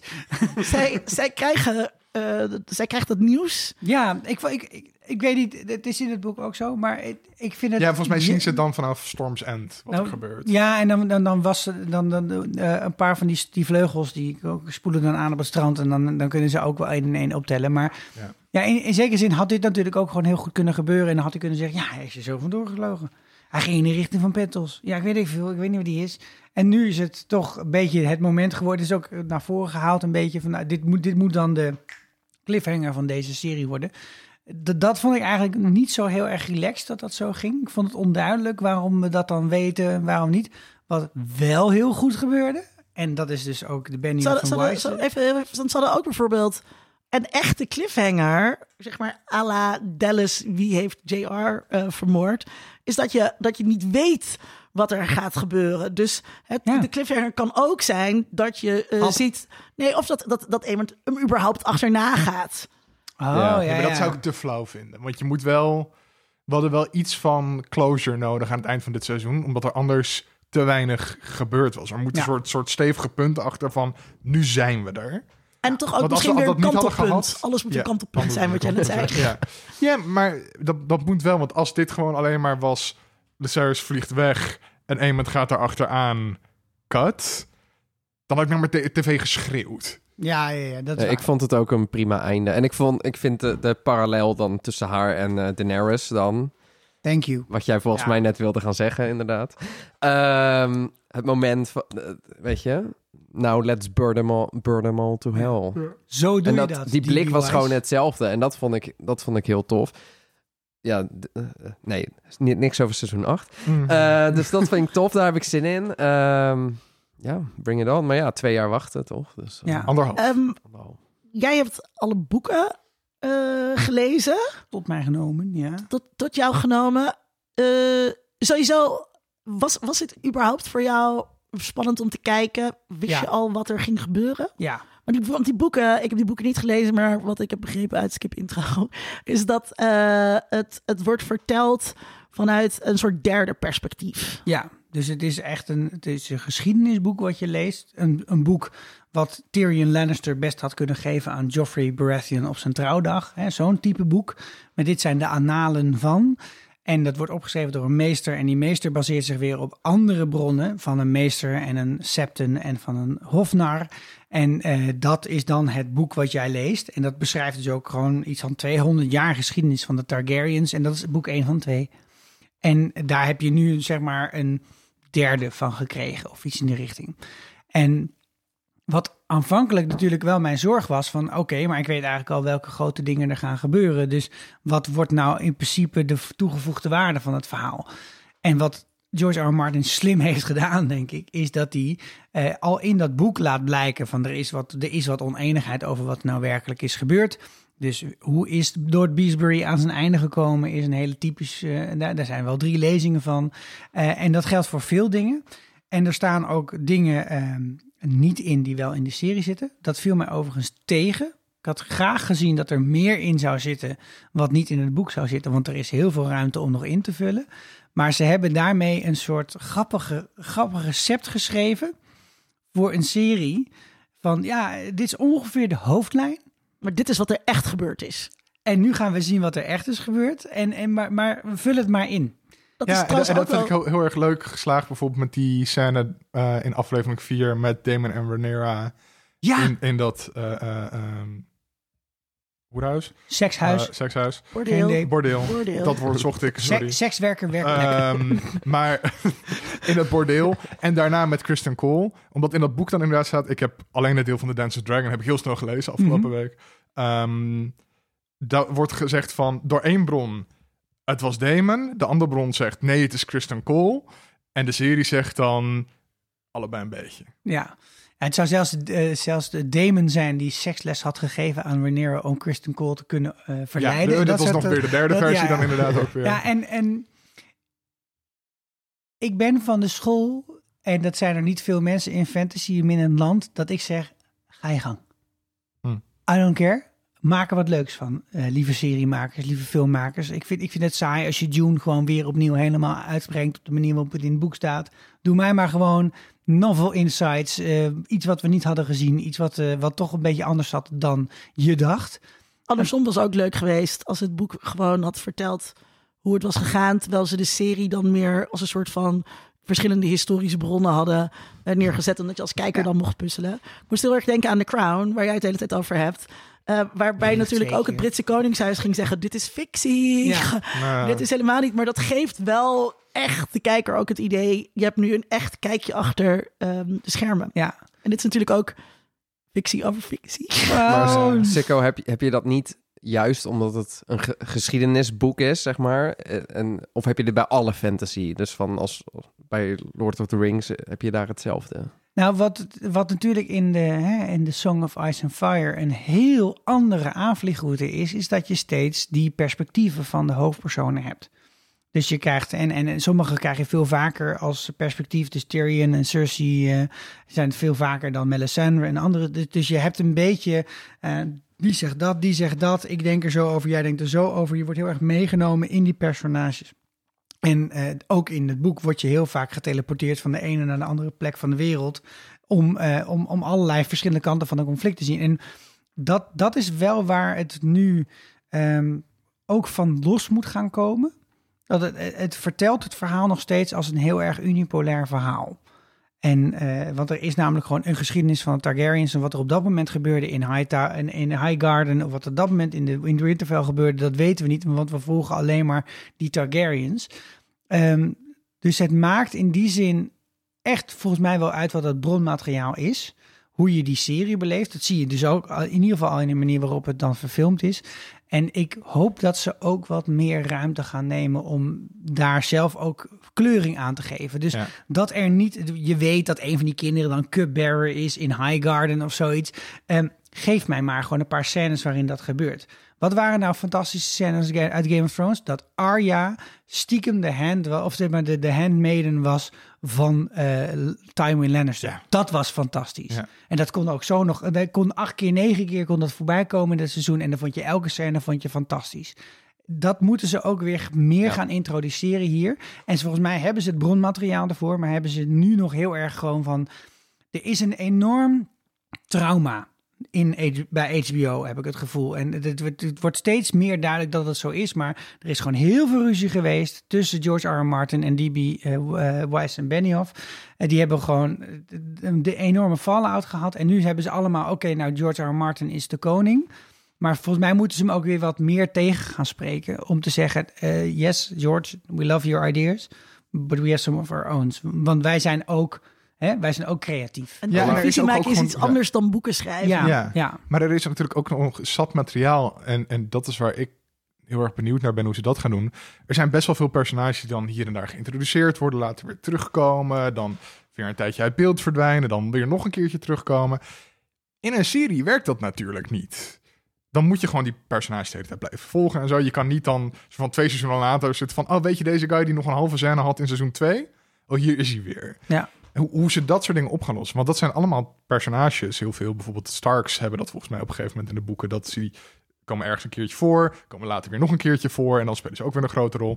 Oké, wat gebeurt er daartussen? Dat kan zo'n serie natuurlijk heel erg uit gaan Ja. werken. Om meerdere blikken op dat conflict te Is geven. het- is dat lijkt niet- me heel interessant om te gaan doen. dat dat trauma nu er wel voor zorgt dat ze, wat wij willen, dat ze iets meer gaan spelen met, met, met dingen, zeg maar. Dat dat, dat minder waarschijnlijk is, omdat dit seizoen, ik, hartstikke leuk, maar het is wel echt een, een beetje rigide eh, Mhm. ding, Ja. zeg maar. Het voelt Ja. heel strak. Eh, dus ja, dat, dat spelen wat wij willen, dat, ik, ik, ik maak me daar een beetje zorgen Nou over ja, of dat gaat gebeuren. dus Eh, de- wij zijn heel licht- lichte invloedrijk momenten. als Kiki dingen. Dat Ja. weten weinig mensen. Maar eh, dat is, dus gaan wel naar ons luisteren. Ja, ik, ik Ehm, heb, ik heb gehoord dat eh, George R. R. Martin zelf wel eens naar ons luistert. Ja. Hij kan geen Nederlands, Nee, maar, maar hij vindt gewoon de klanken fijn. Ja, hij, hij valt erbij in slaap, heb ik ook begrepen. Maar misschien dat ze, dat ze, hè, ze gaan nu ook even de tijd nemen om een nieuw Ja. seizoen te maken. En wat ik hoop is dat ze ook weer terug gaan kijken. Dat er dan schrijvers zijn die zeggen, ook zet oh, Game of Thrones weer gewoon een keer aan. En dat ze dan erachter komen dat, ja, waarom is zo'n YouTube-site als eh, Talking Thrones, waarom begint die met zo'n speech van Littlefinger, die ze eigenlijk ook min of meer in hadden, hè, met Lara Strong, die ook een typische Littlefinger-achtige speech. Chaos is a ladder. Wat was er nou zo leuk aan Littlefinger in dit hele verhaal van Game of Thrones? Is dat je pas heel laat realiseert... hey, fuck, hij heeft Aaron vermoord via Lysa. Oh, fuck. Hij is deel van het complot met Olenna om Joffrey dood te maken. Oh, maar en dat, en omdat je het niet direct zag, omdat het niet on the nose was, had jij het gevoel dat je zat te kijken naar een echt verhaal, wat echt zou kunnen gebeuren, waarbij de hoofdrolspeler van het verhaal niet in beeld is op het moment dat het misgaat. En als ze goed zijn in hun werk, gaan ze dat ook weer herontdekken. Nadat ze nu een soort van safe eerste seizoen hebben neergezet en de, de, de stage hebben gezet. Ik had het bij, eh, bij Game of Thrones. eh, ik heb dit wel eerder gezegd dat ik eh, eigenlijk alles met Bran gewoon een soort van over had geslagen. Een kut irritant kind. Ja, maar dat hebben ze op een gegeven moment ook, ook dat twee seizoenen hebben ze Zelf ook. En, zelf ook. en, en eh, Hij moest naar school, ja, ja. het zal allemaal wel. En toen aan het einde was dat dus hartstikke belangrijk. En dan voelde ik me echt een soort voor doorgenaaid. Dat heb ik me hier niet nog een keer laten gebeuren. ik heb de hele tijd heel goed zitten kijken naar al die kutkinderen. En inderdaad, Varken ook. Varken komt weer terug. Ja hoor, ik ben erbij. Ik op. Ik laat me ook niet meer zo, ik laat me daar niet meer zo makkelijk in vangen. Ehm, op basis van de boeken, wat verwachten jullie van seizoen 2? Kom op, spoil het allemaal. Nee. Ja, dat dat gaan we natuurlijk niet doen. Maar ehm, ik ben heel benieuwd hoe ze dit hele verhaal op gaan delen en wat we wanneer gaan zien. En, want Hoeveel Ze willen- is er ze nog in de boeken? volgens Want mij- jij zei het bespant zo'n dit, 200 dit- jaar, maar, die dit- maar boeken. dit, is, dit is van dat hele stuk. Ehm, eh, het zijn volgens mij 200 pagina's, is de hele Dance of Dragons in de boeken. En dit is denk ik misschien 20 pagina's. Oké. Ja. Tenminste, ja, Misschien iets meer hoor, Misschien maar iets, iets meer, maar dan heb je nog die council en zo erbij. En dat hebben ze allemaal geskipt. Maar er is dus nog echt wel heel erg veel. En ze willen volgens mij vier of vijf seizoenen doen. Dat wordt veel om hierin te proppen. Maar Waar waar gaat, gaat, er heel veel gebeuren. waar gaat dit eindigen? time- Eindigt dit bij de Mad King? Nee, dus eh, dat hele conflict duurt verder twee jaar. Dus ze hebben ook al gezegd, we gaan geen time jumps meer doen. De personages die er nu zijn en de Maar er acteurs gaat die ze heel nu veel spelen. gebeuren in dat conflict. Ja. En er gaat gewoon heel veel gebeuren in dat Ja. conflict. En ik weet, daar moeten denk, dingen denk ik uit om, om dit goed Maar dat hebben ze nu ook gedaan. Dus wat, ik, wat, wat we zeiden van, hè, ze hebben nu ook een soort van...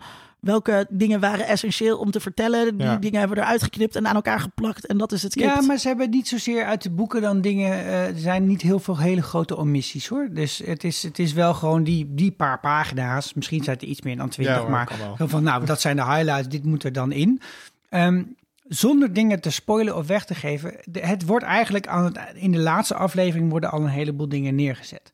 Dus eh Damon ze heeft een aantal voorstellen over hoe ze die oorlog moeten aanpakken. En daar onderdeel van is ze moeten Harrenhal hebben. Ze moeten zorgen dat ze bepaalde huizen aan zich binden. Eh, de Lord of the Tides, Corlys, die zegt al van nou, ik ga hè, deze blokkade, instellen. Blokkade, slim. Nou ja, Dat, Hij is de stepstones. We hebben eindelijk iets Ja, aan de stepstones. Maar, en hij is ook een, ik, eigenlijk zo'n beetje de. Ik vond hem de beste strateeg gewoon de hele Ja. tijd. Gewoon veel meer militair denken. Ja, en, En, en dat zullen we dus ook meer moeten gaan krijgen. Want onder de, en die de Narrow Sea heet niet voor niks de Narrow Sea. Exacte Mundo. Ja, en, en onder Viserys was Talk of War eigenlijk gewoon niet heel erg in vraag, omdat hij daar gewoon geen zin in had.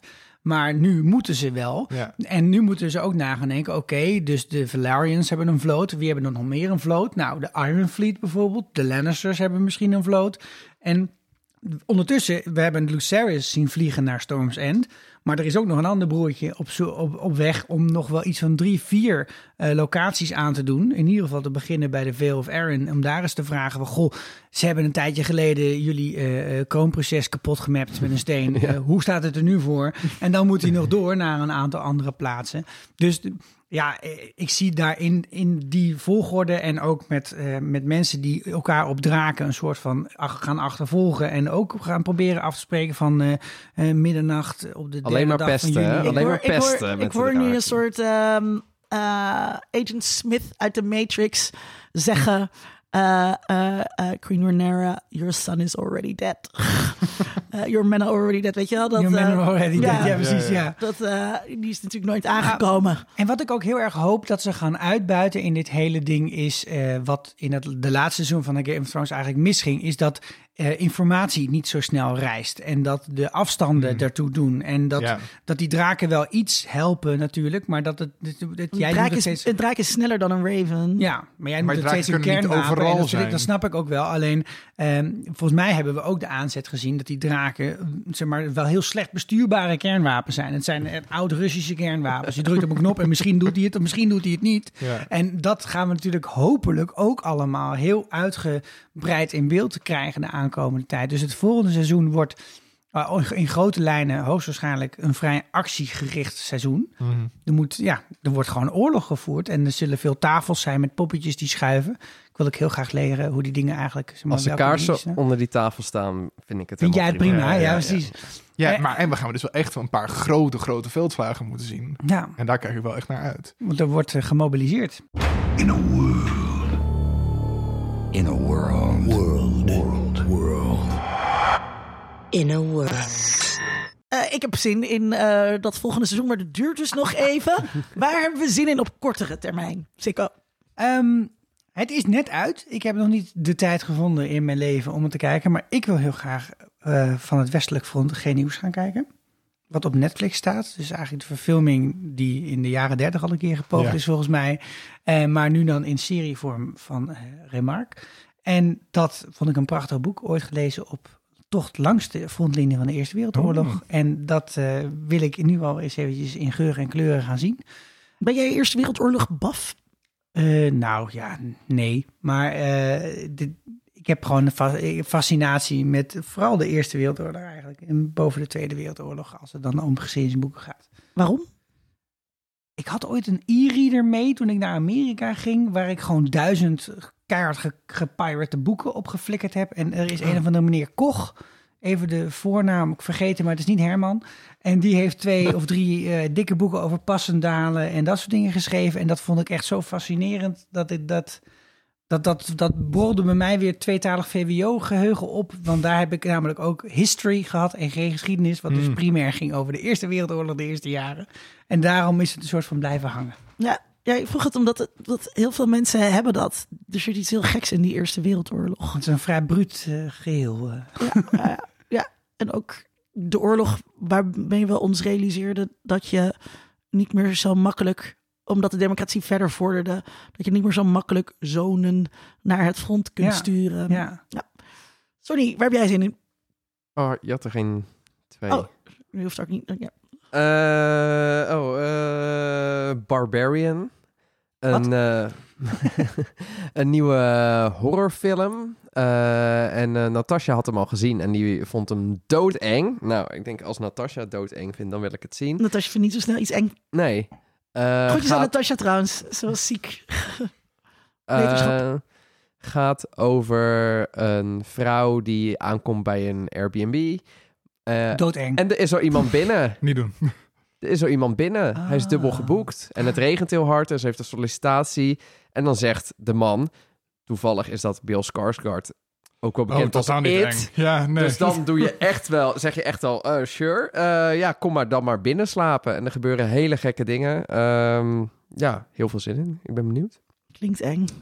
En het tweede is eh, Alice in Borderland seizoen 2. Dat is een Japanse serie waarin mensen, heb ik volgens mij al eerder over gehad, waarin mensen, eh, een aantal jongeren die worden op, gaan een wc-hokje in, omdat ze door de politie gezocht worden en ze worden getransporteerd naar, naar een alternatief Tokio, eh, waar ze eh, spelletjes moeten gaan doen. Ehm, en eh, waar heel de tijd mensen doodgaan. Dus als je het niet haalt, ga je dood.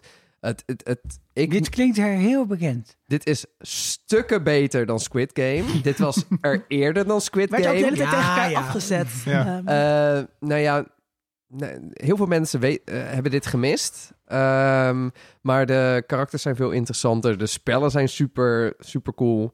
Eh, en eh, ik weet niet heel goed meer hoe seizoen 1 eindigde eigenlijk. Maar ik wist wel dat ik heel veel zin had in seizoen 2. En dat komt er over 52 dagen op Netflix. Ik heb heel veel zin in The Last of Us, de serie. Want ik heb net de eerste game gespeeld. En dat was denk ik een van de meest briljante dingen die ik ooit in mijn hele leven gespeeld heb. Echt heel bijzonder. En er komt een serie van. eh, met Pedro Pascal in de hoofdrol. En eh, net als in The Mandalorian mag je daar met eh, een kind de hort op die die moet beschermen van allemaal gevaar. In dit geval zijn het Moet je ook zombies. een helm op? Nee, dit keer zonder ja. helm. Eh, ik denk dat dat vast meegespeeld heeft bij de casting, dat hij die helm af mocht houden. Dat hij het daarom gedaan heeft. Ehm, dus ik ben heel erg benieuwd hoe ze die personages, die denk ik heel veel gamers die de game gespeeld hebben, heel intiem kennen uit de game. Want dat is een van de sterkste punten eh, daaruit. Ehm, om die te vertalen naar een serie en eh, of dat lukt en of het herkenbaar is of niet, maar dat het dan wel goed gedaan is alsnog. Eh, ik ben er gewoon heel benieuwd naar. Heb je de trailer gezien? Ja. Ik vond het heel her... Ik vond, het Ja, is- maar- echt ja, maar die vibe uit, uit de serie. Ja, Heb je trouwens gehuild toen je het speelde? ja twee keer. Ik ook, Ja. absoluut. Dat echt- als het niet meer is. als, eh, en ik heb... Misschien eh, zijn er twee spellen ooit waar ik dat bij gehad heb. Dus Hmm. dan kom je echt wel van goede... Ik- ik was Hold altijd your fortune. weggeblazen bij het einde. Gewoon echt, ik heb daar gewoon net als met een, een soort goede roman die je dan uit hebt, dat je een soort van een heel erg van gevoel hebt van oh, ik moet deze personage nu achterlaten en Ja, Oh, wow. de- ja, de- een beetje ja. die, die, die, die, de, pijn van die dan van dat je- afscheid. deel 2 gaan spelen. Ja, maar ik moet de PlayStation 5 die ik geleend heb nu Oh. teruggeven. Daar zijn de meningen wel over verdeeld trouwens, over deel 2. Ja, maar ik kijk er wel naar uit. Eh, ik eh, ga eh, zo meteen, hierna, niet zo meteen denk ik, zo meteen ga ik slapen, kijk ook naar uit. Ehm, eh, eh, beginnen met The Devil's Hour, ehm eh, thriller, net gelanceerd eh, op ehm, Amazon Prime. En eh The Devil's Hour is eh, het uurtje tussen drie en vier uur s'nachts. Ja, vind ik ook altijd heel eng. Ja, verschrikkelijk. Is de Hour of the Owl, toch? Voor mij, voor, Of the Bat. voor, voor mij is dat, is dat ja, dan ga je toch ook vaak pas net slapen, maar... ehm, eh, en eh, het gaat over een vrouw die iedere nacht precies om 3 uur 33 eh, wakker wordt. Eh, een filosofische thriller. Dus ik ben heel benieuwd ehm, wat dat is op Prime dus. Ik heb ook zo'n horror game gespeeld, waar ook dan op 3 uur 33 s'nachts de hele tijd enge dingen gebeurden. En dan was het ook 333. En dan schreeuwde, herhaalde dat de Ja. tijd. Het was een Ja. tijdje een ding op Twitter om als het 11 uur 11 was, 11 uur 11 te twitteren. Oh ja, ja. ja, ja. Goeie oude tijd. Goeie oude tijd. Ja. staat op Eh, Mastodon. voor Elon. Ja. voordat dat allemaal was. Oh god, Mastodon. Ehm, dit was aflevering 106 van Jezus. eh, Ja, Geeky Dingen. Eh, steun ons bijvoorbeeld door ehm, ons eh, eh, geld te geven. Ja, je krijgt 190 euro schoon in het handje van de overheid deze maand. Ja, precies. Dan kan je op zijn minst eh, vriend van de show worden. Eh, sowieso is eh, vriend van de show de plek waar je ons kunt bereiken. Je kunt daar vragen stellen. Eh, je kunt dingen meelezen. We vinden het ook leuk als jullie ons vragen stellen. Of als jullie ideeën hebben voor bonus content eh, die we kunnen maken. Eh, want dan krijg je ook extra waar eh, voor je geld. Je hoeft trouwens niet betalend eh, luisteraar te zijn om mee te praten op eh, Vriend van de Show. Ehm, kan ook via Patreon, eh, maar daar kun je niet mee, mee praten. Moet ik eigenlijk niet meer zeggen. Moet ik nog eigenlijk zeggen? Jawel, ik kan gewoon zeggen. Ehm, als altijd, dank aan onze vaste financiële steun. Eh, Rona Bosman, we waarderen het ook heel erg als je ons volgt.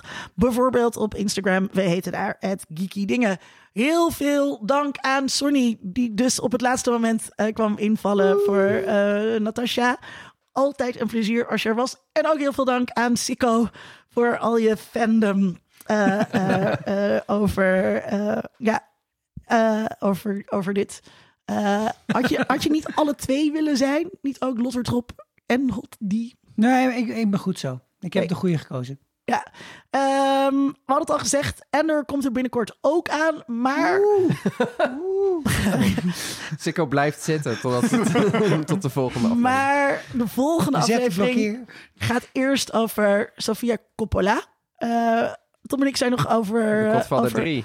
Over het eh, corpus in onderhandeling. Ja. Eh, de Godfather 3 zit ze in. Ja. Ja. Ja. Ehm, en de Virgin Suicides neem ik aan. Ja. sowieso de Virgin Suicide, sowieso Marie Antoinette, sowieso Lost in Translation. Oh, jezus, ja, dat zou je bijna vergeten. Ja, allemaal. eh, nou dat, daar, daar Ja. wil je sowieso naar luisteren, dus dat is de volgende keer. Eh, heel graag tot dan. Dit was Geeky Dingen.